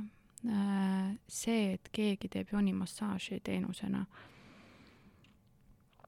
see ei tähenda, et äh, sul seal seksuaalselt lõpuni turvaline on. et neid piire seal ei ületata kuidagi. et noh, see on, see on sinu enda vastutuse koht, kui sa lähed ja tegelikult, kui sa ei seisa enda eest, on ju. Mhm. Mhm. et äh, igasugune seksuaalne ärakasutamine, okei okay,, kui me oleme lapsed, siis see on teine teema, aga täiskasvanuna on see, et kui ma ei ütle ei, noh, täna ma mõtlen, et ma võiks ka enne nagu noh, mitte päris mõrva sooritada, aga täna ei tule mind mitte keegi vägistama, sest ma kaitsen ennast nagu. noh, aga see ei ole alati niimoodi olnud, ma ei ole alati suutnud ennast kaitsta et, äh, et see ongi vastutuse koht, kuhu sa lähed, kas sa tead, kuhu sa lähed ja alati noh, et kui sa ei tea seda meest, kelle juurde sa lähed, no siis ma pigem mõtlekski. noh, sest sul võib ka tekkida soov seal massaaži ajal nagu, ma ei tea, seksida selle mehega, aga teraapia formaadis on see täiesti vale, sest sinu alateadvus saab kinnitust, et näed, mehi ei saagi usaldada tegelikult ja sellepärast ma ka sellest turvalisest ruumist rääkisin et see ongi ülioluline. kui sul nüüd see äh, turvaline ruum nagu tekkis, et kas sa nüüd siis suudad mehi usaldada, et äh, ja kuidas meie üldse naistena peaks siis seda sügavamal tasandil nagu tegema mm? -hmm. et äh, millest see väljendub, see usaldus ja mitteusaldus meie nagu käitumises, tegutsed, tegutsemistes, mõtlemistes? no lisaks koroonaviirusele on meil veel üks suur, just rääkisin ühe kaassõltuvuse kogemusnõustajaga põgusalt, tuleb teraapiasse mu juurde, aga tema ütles hästi, et äh, kaassõltuvus on meie nagu tegelik pandeemia. inimesed isegi ei tea, et neil kaassõltuvus on, sest see ei tähenda, et su isa oli noh, padunarkomaan või padujoodik. aga see tähendab seda, et sa oled kaassõltuv teistest inimestest, et sa ei ole nagu iseendana kindel. Noh, ja sellise termini järgi ongi põhimõtteliselt terve Eesti kaassõltuvuses. on see siis suhetes, on see peresuhetes, vahet ei ole. aga mis sa küsisid mu käest? jaa, et kas sa täna suudad mehi usaldada ah.? Mm -hmm. ja kaassõltuvusega koos naistel käib hästi suur kontrollivajadus. ja ma sellest kontrollivajadusest sain alles noh, hiljuti tegelikult aru, kui ebamugav mul on siis, kui ma ei kontrolli olukorda ja eriti, kui ma pean mehele andma kontrolli et mul on üliebamugav istuda kõrvalistujana autos nagu täiega ebamugav. Ähm, kui on mingi plaanide tegemised, mulle ei meeldi üllatused.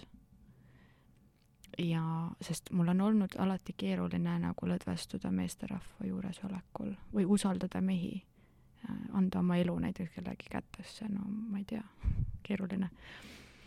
Ähm, ja selle kontrollist lahti laskmisega on see, et ega igat meest ei olegi vaja usaldada ärge seda nüüd küll hakake tegema, onju. aga usaldada saab seda meest, kes selle usalduse välja teenib. et kui me räägime nagu tavalisest Eesti mehest, kes äh, ma ei tea, valetab, petab ja ja solvab ka veel oma naist, siis neid mehi ei saagi usaldada. aga on ka väga palju normaalseid mehi, kes on usaldust väärt. ja neid nagu tasub usaldada, aga jällegi siis, kui nad on näidanud oma usaldusväärsust. sest mina tänasel päeval pigem olen nagu kahtleval seisukohal ja siis sina saad tulla tõestada mulle, et sa oled normaalne. Oma praeguse kaaslasega äh, no see oli hästi alguses. noh, tema muidugi oli, kuulan neid podcast'e, asju, ta teadis väga hästi, kes ma olen.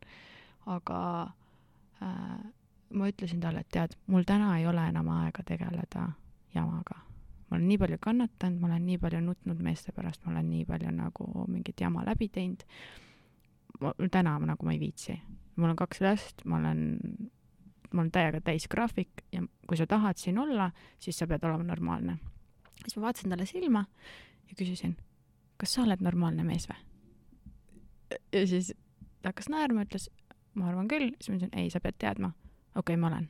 siis ma mingi davai ja siis nüüd hiljuti oli üks situatsioon, kus ma noh, kus see normaalsus hakkas nagu küsimärgi alla minema. ja ma räägin siin inimõigustest nagu naistel on ju, mitte see, et sa pead mulle, ma ei tea, Porsche kinkima, vaid see, et sa suhtled, sa oled aus, noh, kõik tavalised asjad.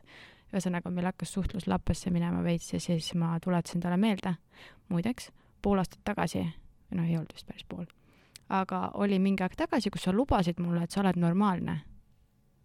ja kui sa ei suuda olla normaalne, siis meil, meie vahel on kõik, me ei tee seda asja rohkem. Ja siis ta hakkas naerma, ütles, ah, lubasin jah, okei okay,, davai siis onju no ja ta on väga normaalne edasi, et selles suhtes äh, jah, aga usaldust tuleb välja teenida kahjuks samamoodi mina ei eelda, et äh, ma olen kellelegi täiesti võõras ja siis ta usaldab mulle, ma ei tea, kümme tuhat eurot sularaha. noh, need asjad ei käi ju nii ja tunnetega tegelikult samamoodi. Et naised on nii palju haiget saanud elu jooksul, et nad äh, käivad, ma ei tea, kahel date'il, kõik tundub ilus alguses, eriti kui sa oled ebateadlik, kõik tundub ilus ja siis sa hakkad juba pulmi planeerima enam-vähem peas, on ju. noh, või tekib ikka see, et kuidas oleks tema perekonnanimi nagu mingi minu nimega koos ja mingi noh, mingid siuksed asjad. et see kõik tundub siis nii hea ja siis on vaja klammerduda selle külge. aga minu nagu filosoofia on olnud see, pigem käi väljas mitme mehega, pigem hoia asi enda poolt casual'ina ja kui ta sind tahab, küll ta siis näitab sulle seda. et seda juttu oskavad nagu kõik rääkida. aga ma noh, ongi see, et mida ma oma kaaslasele ka ütlesin, oli see, et okei okay,, et ma tulin siis su energia välja, kanaldasin nagu, mida sa tunned kuidas olla nõiaga suhtes, onju. ja siis ma ütlesin, et aga ma võin seal näha, noh, mida su alateadvus tunneb ja mis su traumad on ja miks sa nii käitud, aga mina vaatan ainult seda päeva lõpuks, kuidas sa käitud. mind ei huvita need põhjused, sa oled täiskasvanud inimene ja sa saad endaga ise hakkama. ma usaldan seda, et ma ei pea sind kantseldama. ma ei ole su ema ja ma ei hakka sind kasvatama. sina saad hakkama, kui sa ei saa, noh siis meil ei ole seda enam midagi koos teha no niimoodi peakski kaks iseseisvat inimese, inimest nagu hakkama saama või noh, iseendaga nagu toime tulema, onju. et äh, siis saab alles suhe nagu toimima mm. -hmm. Ähm, aga miks võiks äh, naised siis enda joonile nii-öelda rohkem aega pühendada ja teha joonimassaaži? see on see jällegi eneseväärtuse teema. noh, see endale joonimassaaži tegemine on ülihea võimalus mm.. kui ei ole mingeid äh, teemasid, mida vabastada, noh noh, siis teegi endale ise seda. jällegi ei ole vaja ronida teraapiasse, jumal küll, kui sa tahad saada rahuldust, siis rahulda iseennast. väärtuse teema. kui mina äh, valin põhimõtteliselt siis noh, näiteks enese rahuldamises kähkuka, võtan, ostan kõige kangema vibraatori, onju, ja noh, oma närvi, närvirakud ja oma tundlikkuse tupes, noh, keeran pekki sellega, okei okay,, see on teine teema, aga et mul on nüüd ruttu vaja saada, onju. Noh, see ongi närvilise energiaga. siis kuidas ma saan eeldada, kui ma iseenda keha sellise taseme lugupidamisega kohtlen, kuidas ma saan siis eeldada, et tuleb mingisugune noor jumal ja kes nüüd rahuldab meid kaks tundi järjest? kui ma ei usu, et ma seda väärt olen, me ikkagi kõige enne ise, onju, kohtleme ennast hästi ja noh, seksuaalsuse teemadega on täpselt sama on see, et kas sa iseendale võtad aega, kas sa iseendasse panustad aega, kas iseenda keha kohtled lugupidamisega. noh, kui sa käisid koolitusel, et sa tead, kui kaua läheb üldse aega, enne kui tohib naisesse siseneda. noh, ja siis on see pumm-pumm-pumm, davai, tehtud, onju. ja siis on need see... viie minuti lood. nojah, aga see ongi, et kui, aga need naised, siin on ka see vastutus, et ma olen koos sellise mehega, ma lepin sellise viie minuti teemaga ja ma ei ütle talle, et kuuled vä, mine kursusele või tegele endaga, sest mina olen rohkemat väärt, ma olen väärt rahuldust. noh, et see on jällegi, mehed, no naised ka, on täpselt nii laisad ja nii mõttetud, kui me laseme neil olla mm,. see on true jah, see on täiega true et ähm... et kui see viie minuti mees saab juba mitmelt naiselt signaali, et see ei ole okei okay,, küll ta siis hakkab endaga tööle. aga naised isegi ei räägi, nad siis lähevad, räägivad sõbrannale, issand jumal, nii mõttetu mees voodis, vaata noh. jaa, vaata kohe alguses, kui te nagu tutvute ja siis see esimene vahekord võib-olla tekib, siis nagu sellel esimesel korral nagu naisel ei teki seda tunnet, et peaks nüüd kohe nagu kõike rääkima ja siis, äh, siis tekibki see pettumus esimesest vahekorrast, sest see oligi nagu mitte rahuldav, onju. Mm, no esimene vahekord on siuke, et ma ootaks teise korra ka ikka ära enne mm.. aga ja noh, ega mehi ei ole mõtet minna kastreerima ka oma sõnadega, onju, et issand, sa nii vähe pidasidki vastu, vaid pigem on nagu see, et mingi hetk, kui kõik muu on paigas, Epp Kärsin ütleb ka, seksuaalsus saab alati panna klappima tegelikult. Mm, -hmm. kui emotsionaalselt sa tunned ennast selle mehega hästi siis ongi, mul üks sõbranna just tegi sedasama väga targasti, küsis mehe käest, kuule, kallis, et mida sina tahad, et ma teeksin te nagu rohkem või teisiti voodis?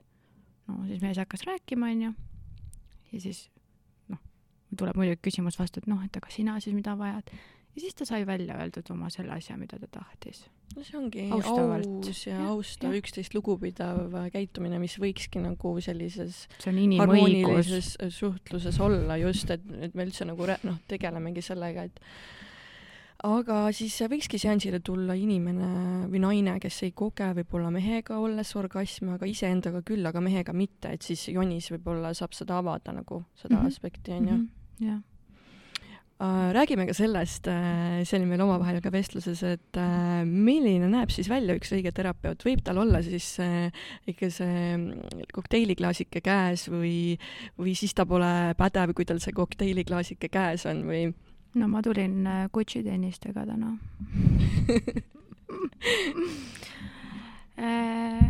Jaa, no sellega on jälle niimoodi, et inimesed otsivad endale hästi palju vabandusi miks mitte oma asjadega tegelema hakata.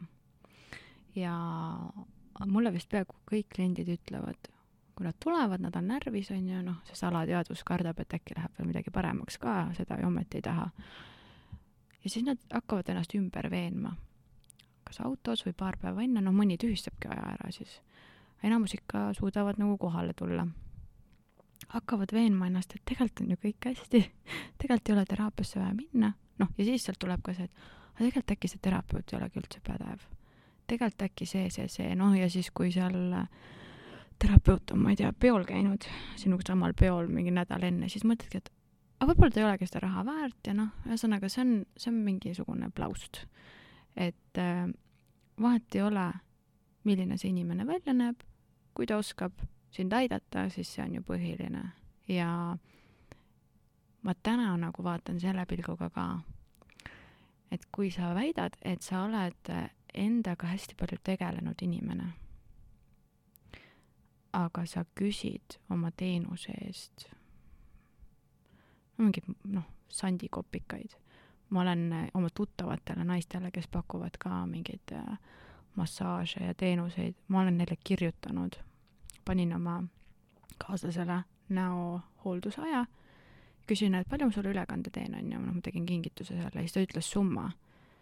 ma vaatasin, mis asja, noh, mitte see, et kas sa viitsid üldse tööd teha sellise raha eest, aga sa oled palju rohkem väärt. ma vaatan sulle otsa ja ütlen, et sinu aeg on väärt midagi sellist. ja siis, mida ma olen teinud nendele naistele, mis tõmbavad nad nagu täiega protsessi, on see, et ma kannan neile selle summa, minimaalne summa, mul on alati nagu vahemik, mida ma oleksin valmis neile maksma ja ma panen siis sellest selle nagu väiksema otsa, on ju, no sest nad ise ei arva, et nad seda kõrgemat osa väärt on.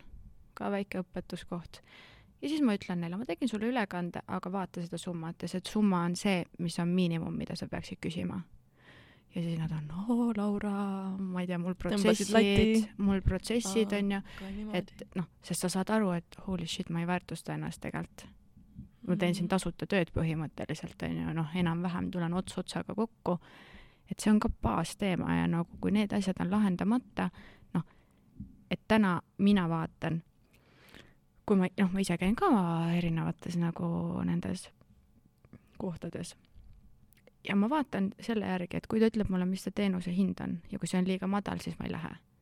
ma ei taha saada asju soodsalt, vaid ma tahan minna inimese juurde, kes oskab küsida õiglast hinda oma aja ja oma oskuste eest kui sa oled õppinud kümme aastat nagu igas maailma otsas äh, oma neid asju, on ju, mida sa teed, siis ma ei maksa sulle viiskümmend eurot, lõpeta ära, ma ei tule su juurde. noh, ma ei panusta sellesse lollusesse mm. -hmm. et, et noh, inimestele meeldib kurta ka, on ju, nii kallis, nii kallis, aga siis ongi see, et aga ju tal on siis endaga hea suhe sest ta arvab, et ta on väärt seda raha ja noh, mina enda puhul tean, et ma olengi seda raha väärt ja minu töö on raske.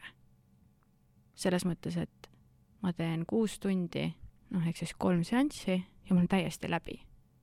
ma ei saa küsida selle eest äh, nagu mingit sellist raha, nagu noh, küsiks keegi teine mingi muu töö eest.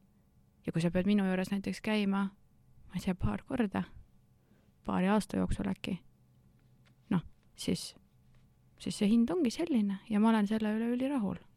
nagu noh, et need on nagu need baasasjad äh,. Äh, see kokteiliklaas, noh, noh, see on nagu tobedus äh,. aga ma sain teada ka sel-, ma tõstatasin selle teema on ju Instagramis ja ma sain teada sellest, et ega terapeudid ei ole ainsad diskrimineeritud inimesed siin. Õpetajad ei tohi käia peol, õpetajatel ei tohi olla meest, õpilased vaatavad nagu veidra pilguga, on ju, kui vastu tulevad. et põhimõtteliselt, kui sa töötad inimestega, siis sul eraelu võiks puududa. aga noh, see on ju, see on ju jama. siis ei ole see õnnelik, see inimene, ma arvan nagu.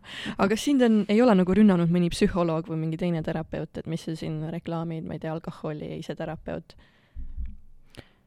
ei. No see on hästi siis. mul on, noh, vaata, see on ka see, et mis energia mul on. ma olen suht sihuke, et nagu kui mulle midagi ütlema tulla, siis äh, ma oskan seista enda eest, kui ma saan aru, et see ei ole nagu konstruktiivne kriitika mm. -hmm.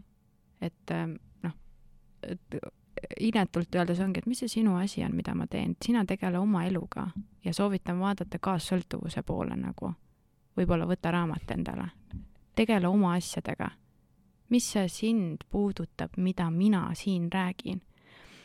just oli ka hiljuti mingi feminismi teema, tegin nalja, onju, et noh, et feministid, et kuidas te oma autot pestud saate, et mina küll ei oska oh,. siis tuli üks mingi verinoor tüdruk, kirjutas mulle, feministi põhimõtted on üldse need ja need ja need. siis ma ütlesin, tead, kullakene, ma tean neid asju. see oli nali.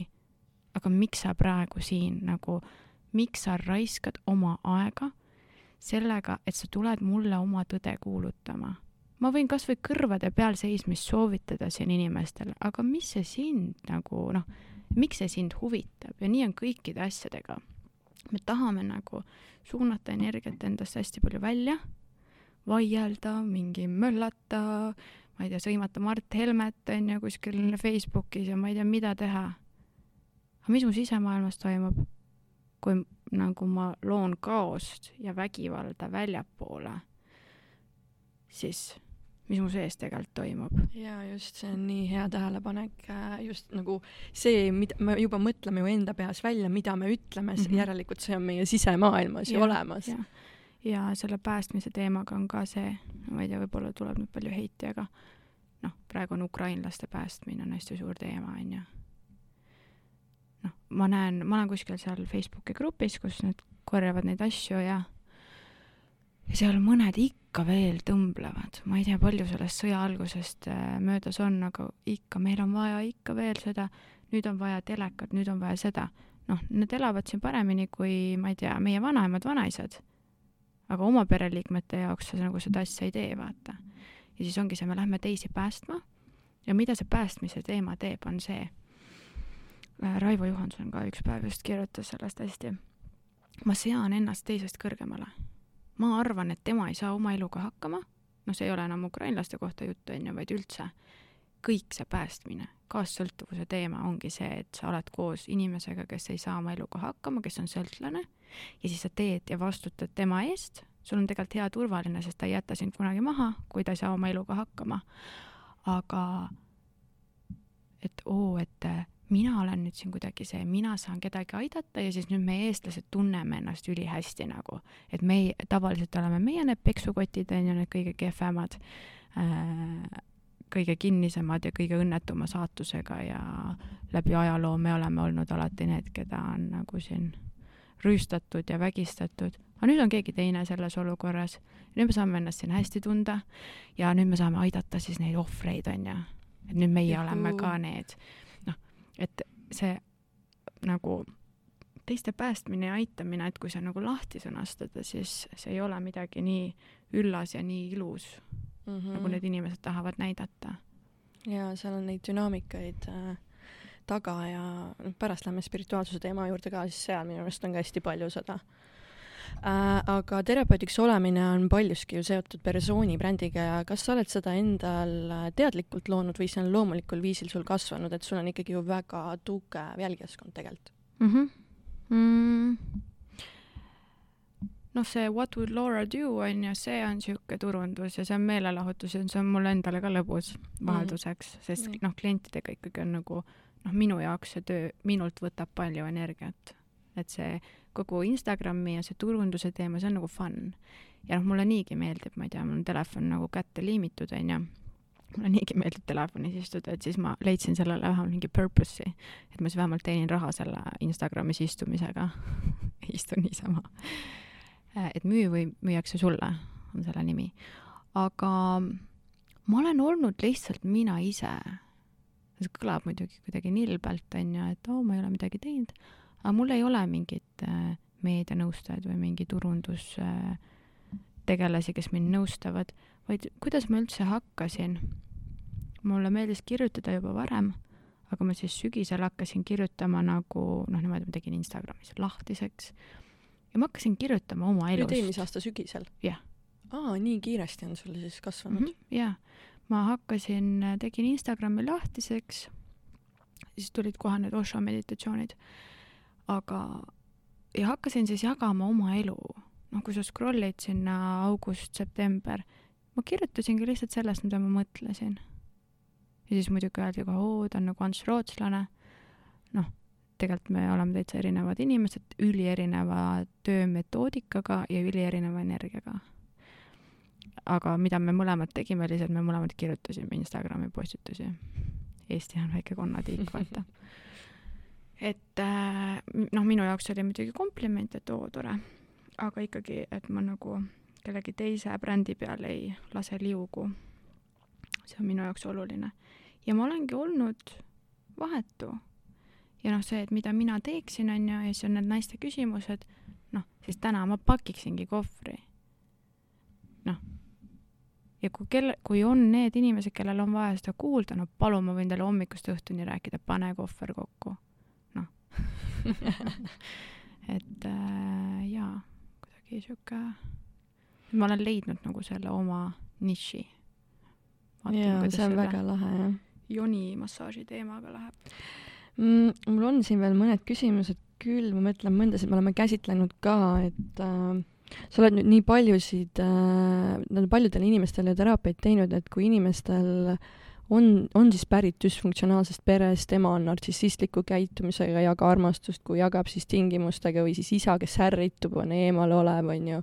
millised on nende vanemate laste nagu käitumuslikud jooned, mis on sellised kõige tüüpilisemad, kuidas inimesed äh, käituma hakkavad alateadlikult, et näiteks noh, ma võin enda kogemusest öelda, ma muutusin ka ja see läks hästi hiilernaiseks, päästjaks ja people pleaser'iks mm. -hmm. Ähm mul tuli lihtsalt meelde, et on mõned, kes on tegelenud nendega ja siis nad tulevad teraapiasse, siis nad ütlevad, ma olen people pleaser, ma olen see, ma olen see, ma olen see ja kõik diagnoosid on ära pandud endale. siis ma ütlen mm,, okei okay,, aga hakkame nüüd siis rääkima sellest, mis tegelikult toimub, onju.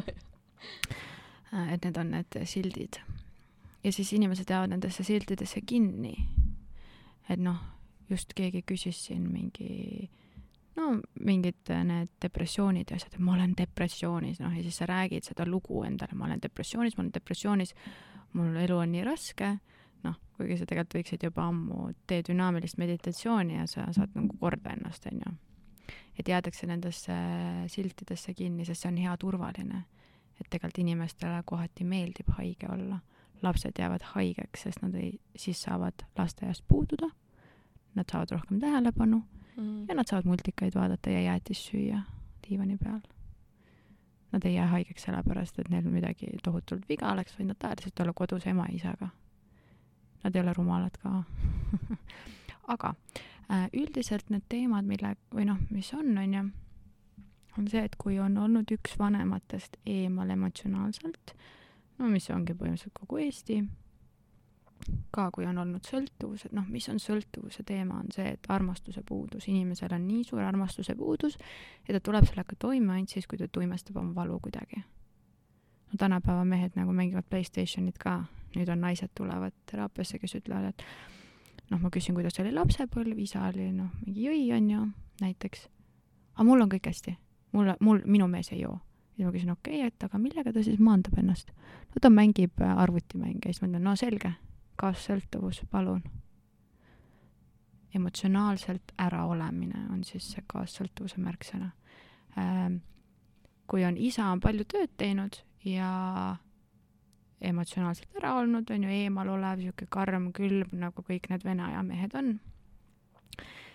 siis kaassõltuvuslik dünaamika hakkabki pihta ja sellega kaasas käib kontroll, kontrolliga käib kaasas turvatunde puudumine kui on olnud hästi suured tülid vanematel kodus, siis äh, tekib see, et kõik peab olema nüüd täiskasvanuna minu kontrolli all, sest äh, lapsepõlv on olnud tohutult ebaturvaline äh,. mis need jooned veel on? no ma ei ole nendesse siltidesse tohutult nagu süvenenud, mina vaatan asja läbi uskumuste.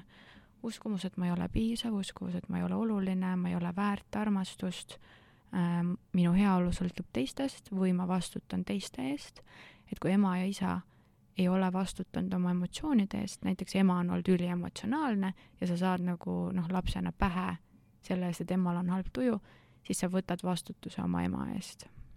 ja sa hakkad vastutama kõigi teiste eest ka. siis on noh, süütunne mm, ja sealt lähevad juba nagu spetsiifilisemaks need asjad jaa, et noh, need sildid on lihtsalt, et tuua kiiremini mm. infot edasi, et kindlasti saab nagu minna nagu detailsemaks ka siit äh,. aga ma arvan, et äh, ma kohe vaatan mm. -hmm. kas sealt Instagramist ka mingeid häid küsimusi tuli või? sealt tuli ka jah, sealt tuli ka jah äh,. nii, aga lähme siis äh, spirituaalsuse juurde, et äh, teeme siis selgeks, mis on spirituaalsus ja mis on spirituaalsus sinu jaoks mm.? Luksun millegipärast hm.. aga siis tuleb järelikult oluline info siit nüüd. Aga äh, spirituaalsus kui selline on minu jaoks, on tee iseendasse või iseendani. kõik tõde, mida me otsime väljaspoolt, tegelikult on meil sees olemas. Ähm, ja kõikide nende teraapiate ja mingite kursuste ja ma ei tea, raamatute ja ka podcast'ide mõte võiks olla see, et sa jõuad iseenda algolemusele lähemale. ehk siis egost nagu justkui läbi. sest mis meie meel on? meel on kogu informatsioon, mida me oleme sünnist saati üles korjanud teistelt. meel on see, kes räägib sulle, et sa ei ole väärt, ma ei tea, sa ei ole oluline, sa oled see või teine ja siis noh, kui ühenduda siis algolemusega, siis tuleb vastus, et sa oled oluline ja sa oled väärt. ehk siis spirituaalsed praktikad, selle kõige eesmärk võiks olla see, et jõuda rohkem iseendasse, mitte et jõuda sinna 5D-sse või ülikõrgetesse nendesse kohtadesse või et tripida nagu seente või mingite muude asjade abil ja tunda ennast nagu noh, nagu polegi inimene enam, on ju, käia kehast väljas ja astraalrännakud ja kõik asjad, noh, see on äge. ja ma olen ka nagu neid asju proovinud, aga kullakesed teemantid, kõik maavarad, väärismetallid, need on kõik maapõues. Nad ei ole pilvedes, nad ei ole puu otsas ja nad ei ole mäe otsa, mäetippudes. ehk siis selleks, et jõuda päris tuumani me peame minema sisse, me peame minema enda sisse. teemantid on kaevandustes, mitte puu otsas. ehk siis see on spirituaalsus. sinna juurde tuleb hästi palju müra, aga lõppude lõpuks on see teekond iseendasse jaa, minu meelest on ka siin sellist kaks erisusest, kas ma sukeldun spirituaalsusesse enda väga tugeva valu pinnalt, millele ma soovin lahendust või mul on nagu elus nagu kõik hästi äh,, aga ma soovin midagi muud endas avastada. Et me asume mõnikord valule leevendust otsima ükskõik kuhu äh,, peaasi, et me saame selle nagu äh, lahendatud, aga kui me sellesse maailma nagu astume, siis meil ei ole nagu mitte mingisuguseid juhtnööre, et ma ise ka kunagi ajasin selle teraapia esoteerika maailma näiteks täiesti nagu sassi, et ma läksingi selle kivi käest siis äh, niimoodi, et vastuta nüüd, nüüd äh, teen talle mingid taotlused ka anna veel. anna mulle ja... armastust. anna mulle armastust, jah, kõike. et tee mul see nüüd elu korda ja siis noh, välismaailm või noh, üldse ei muutunud midagi, onju. et mhm. äh, ja siis ongi see minu meelest nagu sinna viibki see võib-olla see ohvrimeelsus ja see meeleheide ja.... tehke keegi mind korda. ma loen artikleid selleks, et, et horoskoop või mingi, et mis kuu seis on, onju mm. -hmm. retrokraadid ja mingid äh, täiskuud ja et siis oo, okei okay,, et ma sellepärast olingi täna täielik bitch. Äh, sellepärast, et täiskuu on taevas nojah, täpselt, et äh, kui meil on nagu mingi trauma, siis pigem ikkagi minna teraapiasse või noh, psühholoogi juurde või keda iganes sind kõnetab, on ju, mitte nagu otsida seda lahendust kuskilt esoteerika või horoskoobi maastikul. jaa, aga vaata nüüd, kui sa jooksed mööda nõidasid või jooksed mööda horoskoopi või no 5D ja 3D vahet, kuigi see võib olla noh, saad kodus mehelt sõimata, et siis mis 15 sa räägid nagu, siis kas sa tegelikult oled valmis vaatama oma valule otsa või sa tahad plaastrit?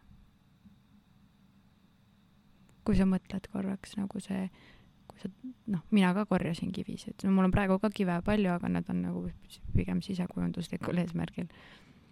kui sa tahad otsida põhjust sellele, et miks sa oled vägivaldses suhtes, miks sa oled õnnetu ja sa arvad, et see põhjus, et see täiesti loogiline põhjus on olemas tähtedes või karmasidemetes eelmistes eludes, siis see kõik on, oo oh,, see kõik on nüüd nii loogiline.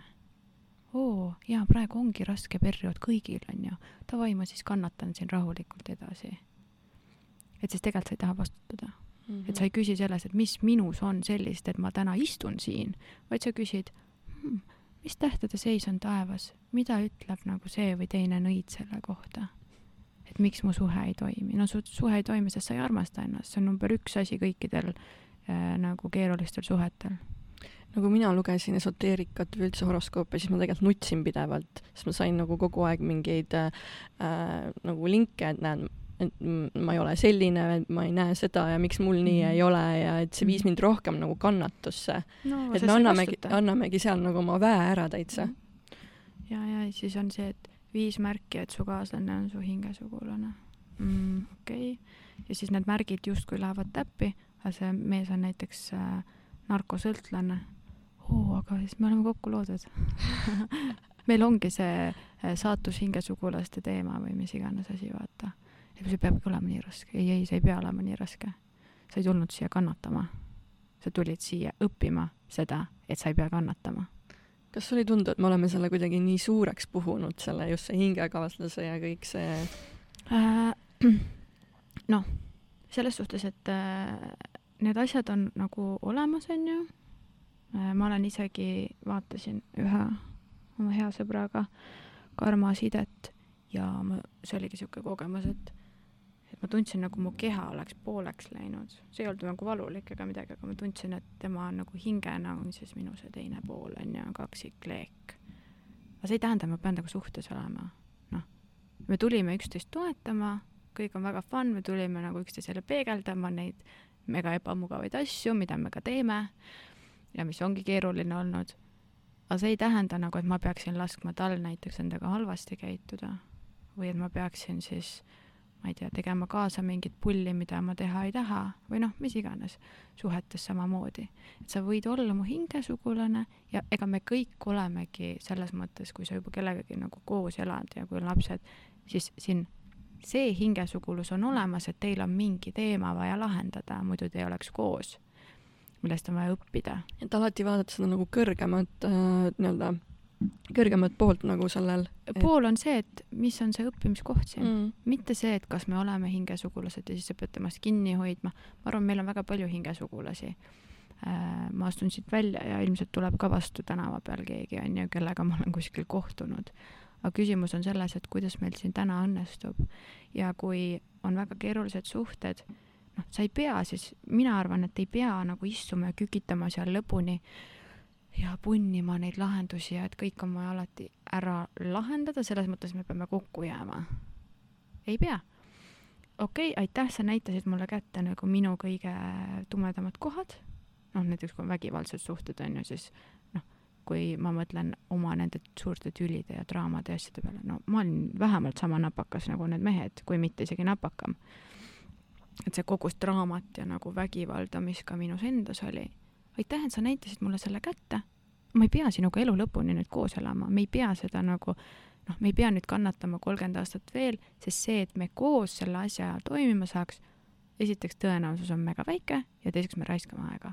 sa näitasid mulle selle kätte, ma lähen nüüd tegelen teraapias selle asjaga edasi ja sa, noh, me saame hingesugulased nagu eemalt olla et me ei pea klammerduma, ongi jälle see sildid, vaata, me tahame leida oma hingesugulast, tahame leida seda ühte ja õiget. noh, seda ühte ja õiget ei ole olemas, peaks keskenduma sellele, mitte jälle, et minu õnn ja minu nagu mingi muinasjutt tuleb väljaspoolt, vaid keskenduma sellele, et mina oleksin iseendast parim võimalik versioon. mina tunnen, et ma täna noh, suht olen okei okay,, nagu naba ümbert on veits nahk välja veninud, sest mul olid kaksikud kõhus, onju. ma tean, ma saan selle korda teha, kui ma tahan. aga ma olen endaga rahul. ja kui tuleb mingi teema üles, millega ma ei ole rahul, siis ma teen selle korda. et ma ei pea olema nagu halama mingi kakskümmend aastat, et issand, ma olen nii kole või ma ei tea, otsaesine on nii kortsus, no seda saab kõik lahendada. aga lihtsalt, kui sa istud seal ka katkistes suhetes väga kaua, siis selle kõige jama lahendamine läheb jube kalliks maksma. Väga kallid on iluprotseduurid. ja naistel on näkku kirjutatud, kui nad on elanud rasket elu. ei soovita mm,. Oh, ma ei ole selle peale isegi mõelnud ja, ja, ja. et õnnetud naised jäävad väga kiiresti vanaks. kui ma mm. käisin botox'it süstimas, siis äh, alguses oli noh, et ma tahaks lihtsalt, et seda silmanurka veits nagu tõsta, onju. ja siis äh, Mari Laasmaa äh,, doktor, kelle juures ma käin, ütles, et äh, no kergita kulmus, ma kergitasin, siis ta ütles, kui vana sa oled ja siis ma sain aru, et pekkis. millega ma tegelenud olen. ta küsis, kui vana sa oled et see siin noh, põhimõtteliselt ei ole kahekümne kolme aastase otsaesine onju. ja siis ma mõtlesin, jah, never again nagu, kui sina tekitad olukorra, kus mul see botoksi mõju nii-öelda läheb kiiremini ära, et ma pean väga palju kulmu kergitama su peale, näiteks mehena, siis ma ei taha seda. noh, ma tahan olla õnnelik, ma valin täna olla õnnelik, sest ma tean, et ma olen seda väärt. ma olen parim versioon iseendast ja ma ei ole kellegagi koos, kes on võib-olla kõige kehvem versioon temast endast. ja inimesed toovadki meis erinevaid asju esile. noh, näiteks mu lasteisa kindlasti toob minus nagu kes tumedama poole esile, onju, sest meil on seal ulmeteemad, meil on palju valu seal all, mida me oleme koos nagu läbi elanud. ja ma valingi täna nagu mitte olla sellises paari suhtes. Ma ei taha selles sitas rohkem sonkida. ma tahan olla kõige parem versioon iseendast ja ma teen seda inimesega, kes aitab mul see olla. ehk siis keskenduda jällegi fookus iseenda peale, vahet ei ole, mida need teised teevad, vahet ei ole, mida see naabrinaine teeb, vahet ei ole, mida naised linnas räägivad või mida iganes, onju. vahet ei ole isegi, mida Laura Valk teeb. Äh, kui oli Butterflies see vestlusõhtu mm, -hmm. ma läksin lava peale, ma küsisin, noh, millest te siis kuulda tahate? kõik olid vait ma ütlesin, ei no mis te arvate, et teil ei ole vastutust siin täna või? ma tulin rääkima, aga ma tahan teada, mida te teada tahate. ja siis kuskilt kaugelt nurgast oli, räägi endast, räägi meestest. no räägi Eesti meestest, onju. noh, mis see kõik kokku tähendab, et räägi enda eraelust, räägi enda meestest yeah.. aga tegelikult ei ole vahet, kuidas mina, noh, ma ongi, ma võin ükskõik, ma võin kasvõi paljalt ringi käia, aga sina elad ikka oma elu ja kui ma saan sulle kuidagi abiks olla oma nagu paljalt käimisega, siis on hästi aga muidu mitte. muidu on see, et mis toimub minu elus täna. vahet ei ole, mis seis on taevas, mis seis on kuskil mujal. minu elu, minu fookus on minu peal, mina tegelen iseendaga, ei tegele mehe probleemidega, ei tassi meest psühholoogi juurde või sõltuvusravisse või kuhu iganes. Sina tegeled iseendaga ja sina vaatad peeglisse ja küsid enda käest, miks ma olen sellise noh, tihti väga hädise inimesega koos. miks mul on kolleegid, kes minuga, ma ei tea, kes viskavad kõik oma ülesanded mulle või noh, mis iganes probleemid inimestel on. miks mina, miks mina? Hästi tugevad enda piirid nagu paika seada mm, -hmm. et äh, kuidas äh, ku,, kus on minu piir, et kuna ma ei ole nii seotud enam selle teise inimesega, onju, et ma ei mhm. lase siit enam nagu see piiride teema ongi ka kaassõltuvusega seoses, sest kaassõltuvus on see, et teised loovad ruumi tema sõltuvus või tema mingi hobid või noh, mis iganes teemad, kõik teised loovad ruumi ja mina siis eksisteerin selles ruumis. ehk siis kui minul on halb, siis on suure tõenäosusega nemad süüdi selles, on ju, see on jällegi, ma ei vastuta oma heaolu eest äh,. aga täna, noh näiteks mina, ma tean, kes ma olen, ma tean, mida ma väärt olen, ma tean, mida ma elult tahan, väga paljud inimesed ei tea, mida nad tahavad, ma küsin, kui sul on siis tellimus telli mu käest, mida me tahame selle tänase tööga saavutada. ütle tellimus sisse. Siis nad nagu kohmetuvad ja hakkavad mõtlema siis, millist elu nad endale üldse tahavad. noh, fookus mm. on ilmselgelt vale asja peal yeah.. et sa tuled probleemist rääkima, mitte probleemi lahendama. mina täna tean, mida ma tahan, kes ma olen, noh, ja siis see piirid on jällegi see, et piirid meil on, et selleks, et meid kaitsta iseenda eest mitte teiste eest, vaid iseenda eest. mina sean oma piirid, siis on minu asi nendest piiridest kinni pidada. mitte öelda kaaslasele, et jälle sa ületasid mu piiri, vaid on see, et minu piir on siin. ma ei suutnud ise selles püsida. et tänu sellele tuli teine inimene sellest üle. Äh, palju sina täna näed äh, teraapiamaastikul äh, sellist spiritual bypassing ut, et ei vaadata enda varjudele otsa, aga teraapiatööd tehes äh, saan enda ego justkui ju täita mm.. no minu juurde selliseid ei satu. paljud tulevad ja ütlevad, Laura, ma kardan sind, sa oled nii konkreetne. et minu juurde, noh, ongi, noh, ma nagu, ma nii palju raha ka oma aja eest ei küsi, ma viitsiks mingi jamaga tegeleda, onju. No ma arvan, et need, kes, ma, noh, siin on mõeldud võib-olla, et terapeute, kes ise teevad mm -hmm. tööd. aa, okei, selles mõttes. jah, no see on see jah, et tegelen kõikide teiste teemadega, noh, see on see klassikaline ütlus, et terapeutidel on endal kõige rohkem teraapiat vaja. ma käin teraapias, see ei tähenda seda, et ma ei oleks nagu pädev sind aitama, vaid see tähendab seda just, et ma olen pädev sind aitama, sest ma suudan endale otsa vaadata. et kui äh, on mingid terapeudid või nõustajad, kes äh, ütlevad välja selle, et nad on korras ja neil ei ole millegagi enam vaja tegeleda, siis hoidke eemale. siis, siis see ei ole koht, kuhu sa tahad minna.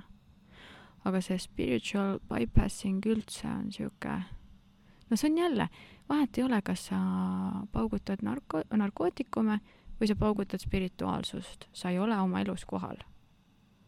et nõus. äh, tänapäeval on ka noh, lapsevanemad ei ole oma laste jaoks emotsionaalselt kohal, kui nad teevad ka väga palju tööd, kui nad äh, jooksevad mööda retriite, on ju, või mingeid äh, teraapiaid, et siis tegelikult sellesse kõigesse on ka võimalik ära põgeneda. kas võibki öelda siis, et mingis laadis on see esoteerika kui meelelahutus, sest tegelikult me ei tööta seal ju psüühika ega traumaga mm Mhm. -mm. ja annab mingeid juhtnööre, ta annab lihtsalt nagu mingeid juhtnööre või intuitsioon ja mingeid Mhm. tähelepanekuid, vaata. no näiteks tarokaardid või see kanaldamine ja selgeltnägemise teemad ongi see, et see räägib sinu hetke energiast, võtab sinu väljast energiat, see, mis kivi ma endale praegu valin, on ju, kui meil on siin laua peal kauss nende kividega, see on vastavuses sellega, et mis minu energias täna toimub. ja siis ongi hästi ohtlik see, et äh, noh, näiteks kaardid, ma ei tea, ennustaja ütleb, et sa ei saa kunagi lapsi. Ühele mu tuttavale naisele öeldi, et sul on ülikeeruline mingi rasestuda või midagi siukest. siis ta sai šoki, mõtles oh my god, kas minust ei saa kunagi ema ja siis ta läks koju ja siis ta istus korraks maha.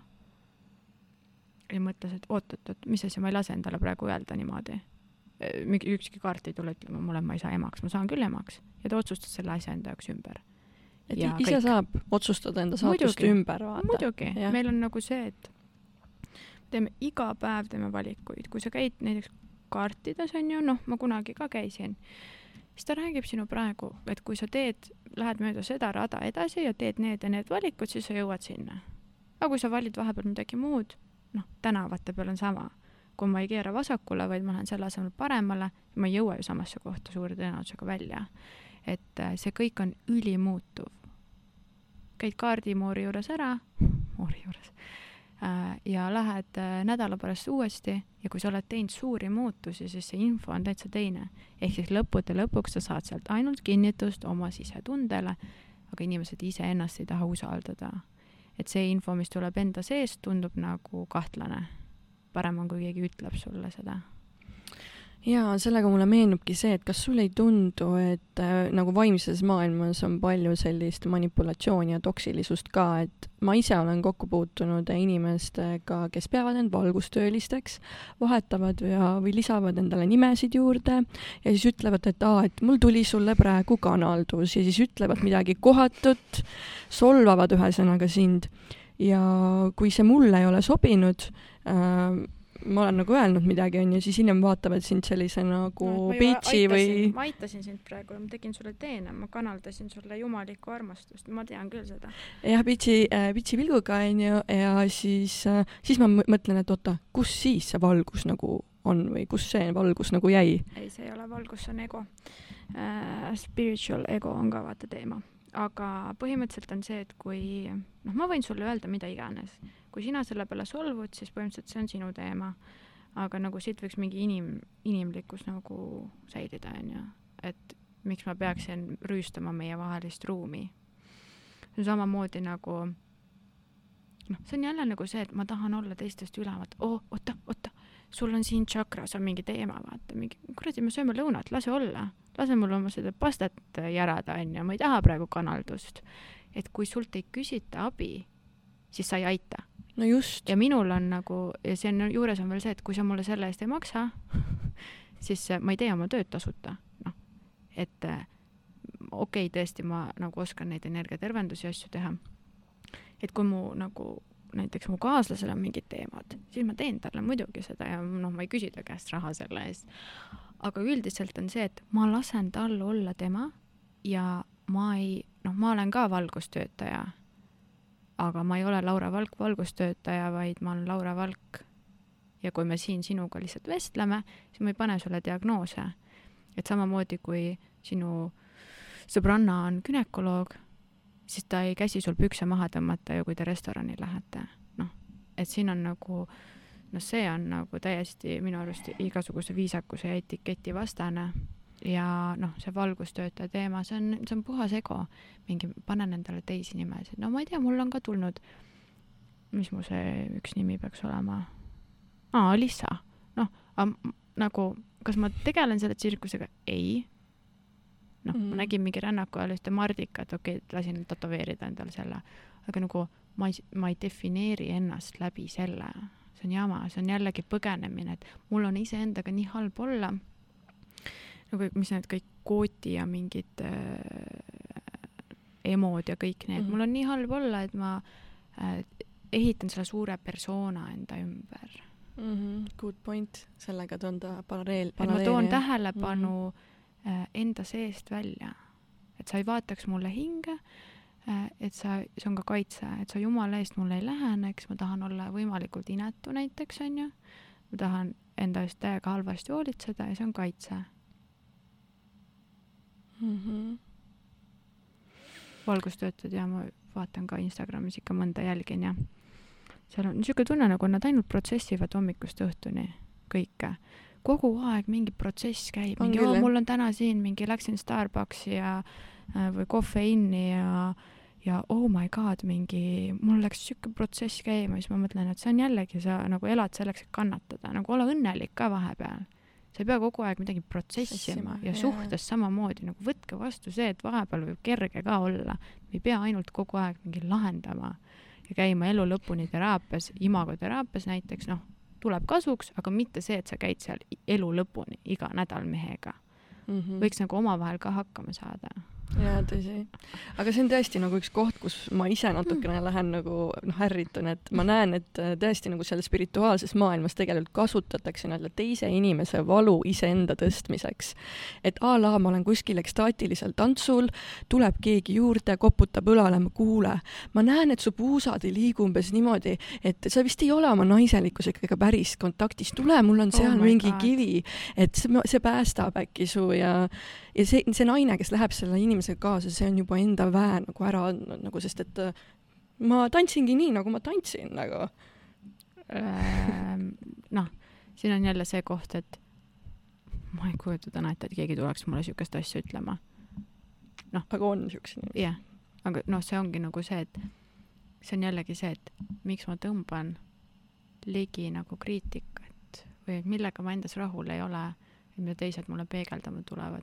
ja isegi kui keegi tuleks mulle ütlema oma puusade kohta midagi, no sorry, ma tean, et mul on nagu maailma parimad puusad, onju, noh, aga, aga aitäh sulle info eest ja noh, ma võtan su visiitkaardi, noh, ei pea ju hakkama vastu sõimama, onju. mm. -hmm. aga ongi, et aa, okei okay,, jaa, no tänan, jah, ma mõtlen selle peale, vaata, et nagu näeme, noh, et me ei pea nagu põhjendama ennast, Yeah. et okei okay,, ma ei tea äh,, igasuguseid pakkumisi tehakse kogu aeg, eriti nagu naisterahvastele nagu meeste poolt ja ma ei pea talle nagu põhjendama seda, miks ma temaga välja ei taha minna või miks ma ei taha tema seda mingit reiki tervendust kuskil tema kodus äh, voodis onju. et ma ei pea seda põhjendama, ma lihtsalt, ma ei ole huvitatud ja kõik, aitäh sulle nii on jah. et millesse me nagu oma energiat panustame, ongi see, et okei okay,, noh, ma ei taha ja samamoodi see diagnooside panek ongi ja ma ei tea, ma ei ole kokku puutunud sellega, sest mul on see isiksus nagu noh, mul ei tule keegi ütlema midagi. Mm -hmm. mind kardetakse, noh, isegi mu kliendid kardavad mind ja tulevad hambad ristis. no see periood, kui mida ma kirjeldasin, see oligi võib-olla see periood, kui ma ise olin natuke rohkem ohvrikas, Mhm. onju, siis on hea ligi tulla, vaata, hea Mhm. nagu konksu otsa panna. sest tegelikult noh, kui sulle peale vaadata, siis on aru saada, mis inimesega tegu on. kui sa tundudki ebakindel, siis igasuguste, no mitte petiste, nad ei ole petised, aga äh, noh, lollidelt saab kergesti raha ära võtta, vaata. et ma tulen ja hakkan sulle rääkima, noh siis suure tõenäosusega sa ostad mult seda teenust, onju. aktiivmüük, ühesõnaga, ekstaatilisel tantsul sulle tundub nagu sul oleks vaja vaata midagi. no aitäh, aga ma tean ise paremini, mida mul vaja on. Jah, täpselt äh,. sa mainisid ka psühhedeelikumi ennem, et mis sa arvad siis, miks inimesed üldse nagu neid spirit- äh,, nagu spirituaalses maailmas nagu neid psühhedeelikumeid teevad mis eesmärgil nad üldse nagu teevad neid? no see on ka jällegi nagu tore lisa, onju. jah, see aitab võib-olla mingeid teemasid lahendada, et näiteks mina käisin äh, sellises baariteraapias, kus mõlemad tarbivad MDMA-d ja siis vestlevad kõige keerulisematest teemadest. kogu päeva kestab ja suht intensiivne. et need võivad edasi aidata, aga see ongi see, et sa lähed sinna ühe korra või kaks korda maks, et sa nagu ei jää seal käima. ja üleüldse igasugused need nii-öelda abivahendid, no ma ei tea. jällegi, minu seisukoht on see, et me tulime siia kehastusse inimesena. Ma ei kehastunud liblikaks, et ringi lennata, vaid ma tulin inimesena materiaalsesse maailma, tänasesse aastas või noh, siis kui ma sündisin, on ju praegusesse ajaperioodi. ja ma tulin selleks, et kogeda seda elu siin. see on ka põhjus, miks ma ütlen, et kõik ei pea olema vaesed. kui sa otsustad teenida viissada eurot kuus, siis see on sinu valik. see ei ole minu asi, et sina vaene oled, vaid see on sinu valik, millega sina lepid. ja nüüd nagu see ringi trippimine on ju, on nagu lahe, aga tegelikult see on jälle see, et oo, et kui nüüd iganädalaseks lähevad need tripid, siis ma nagu küsiks, et kas sul ei ole midagi paremat nagu oma päriseluga teha või? et vahet ei ole ju, kas sa oled spirituaalne narkomaan või sa oled nagu klassikaline narkomaan, sa oled ikkagi narkomaan. lõppude lõpuks. et see joon kuskilt läheb, onju. et äh, jah sa mainisid liblikalt, mul, mul tuli kohe selle liblikaga meelde üks inimene, kes äh, ütles, et äh, tal kasvavad äh, või noh, tal on nagu tiivad selja taga ja ta on nagu liblikas. mäletan, üks, üks naisterahvas ütles kunagi ka terapeut muide, nõustab ja värki. et jah. tore, mul on hea meel. ma olen vist suht, ma olen sinu podcast'i juba ammu kuulanud mm. -hmm. ja ägedad külalised käivad sul siin Mm -hmm. ja selles mõttes, et ma olen vist suht erinev neist nagu et äh, ma olen hästi realistlik. jah, see spirituaalsus kõik ongi äge, onju, aga see, see on ka lihtsalt üks elu osa, see on viis, kuidas saavutada seda, mida sa tahad. kui sa tahad olla õnnelik, siis see saab sind aidata, samamoodi tööl käimine, raha teenimine on ka üks viis, kuidas olla õnnelik, kui noh, sul on vaja, et sul oleks katus pea kohal näiteks või mida iganes. et jah nii, vaatan praegu kella ja vaatan küsimusi ja pekkis on. ja suht pekkis on ja oleme ajast nagu äh, nii-öelda väljas, et äh, oleks vaja vist üks lisasaade teha muidugi teeme, mulle rääkida meeldib. ja et äh, võime täitsa mõelda sellele, aga ma küsiks võib-olla lõpetuseks äh, ise ühe küsimuse ja siis võtame need Instagrami küsimused äkki. no mul poole tunni pärast on klient. aa, okei okay, uh, -huh. selge selge, selge, nii äh,, nii, kus mul oli see, mis ma tahtsin, ahaa, jaa, et räägime korraks nendest kvaliteetidest, millised on need mehe-naise kvaliteedid, mida me tegelikult inimestena ihkame kogeda suhetes? Äh, vundamendid, mis on inimesed nii-öelda kaotanud, eriti nagu su story sid ka vaadates on ju, noh, mida me, millest me oleme ka täna väga palju muidugi rääkinud. Mm, -hmm. aga võib-olla kordame need vundamendid siis nagu üle mida me tegelikult nagu soovime kogeda? no meie baasvajadused on olla nähtud, olla oluline, noh, see on kõik see sisemise lapse teema, olla armastatud ja olla hoitud ja see, et mul oleks turvaline. Nii ennast väljendada kui lihtsalt olla mina ise. minu jaoks on vabadus ka, ma tahan tunda, et ma olen vaba, sest noh, ilusate naistega on see, et jahimees näeb ilusat mingit seda kalkunit põllu peal onju ja tahab ta maha lasta selleks, et trofeena koju viia ähm, ehk siis mind on tahetud hästi palju puuri panna ja nüüd ma olen nagu mingi, ma olen vaba, sa ei pane mind kuhugi puuri äh,. ehk siis minu jaoks on vabadus ka ähm,.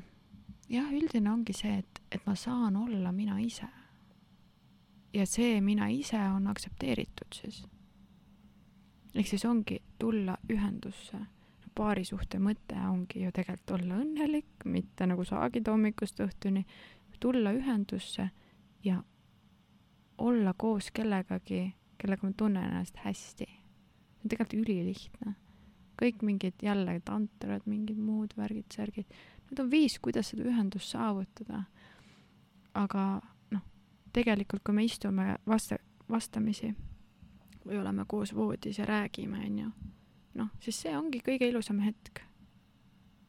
kui, kui neid asju ka pole või kui seda muud müra on hästi palju, noh, siis tasuks jälle mõtlema hakata, onju, et et miks sa teed selle maailma kõige ilusama asja enda jaoks nagu nii keeruliseks. suhte mõte on see, et ma tulen päeva lõpus koju ja mul on sinuga hea olla, mitte see, et sa hakkad mind terroriseerima või et mina hakkan sind terroriseerima.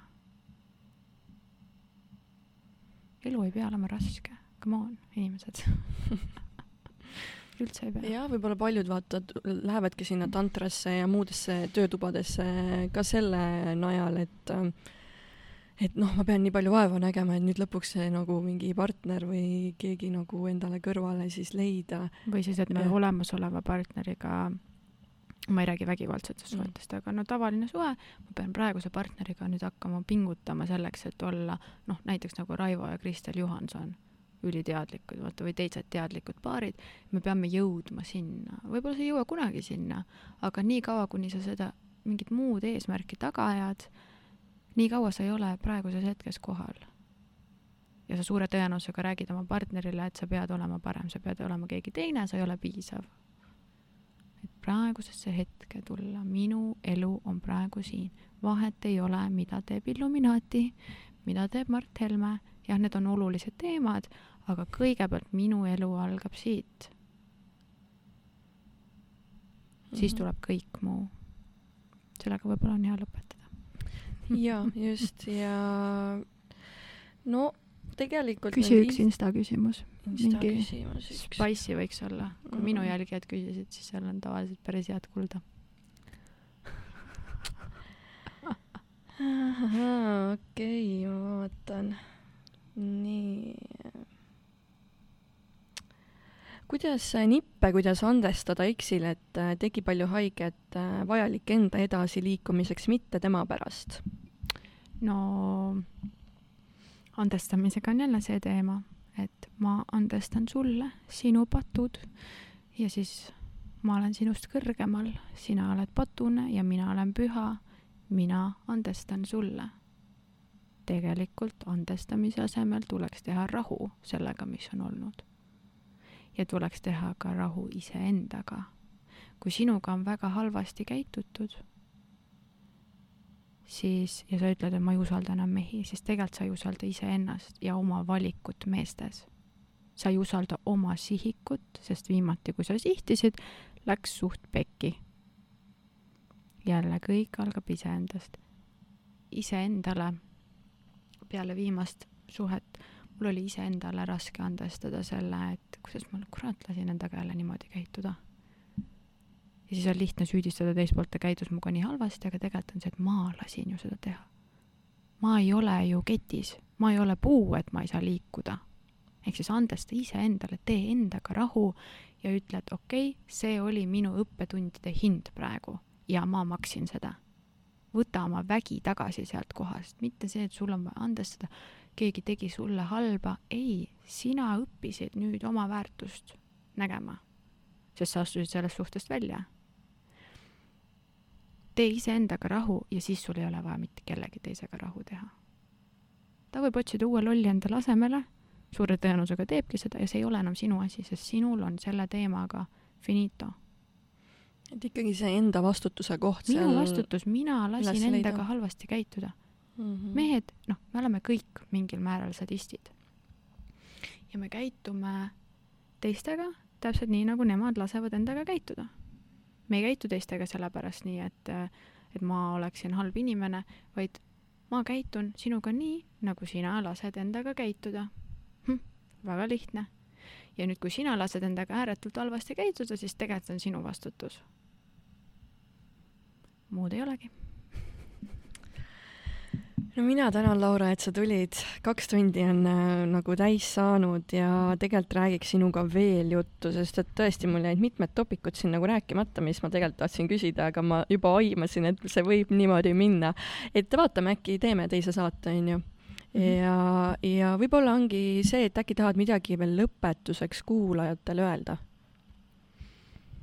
hmm.?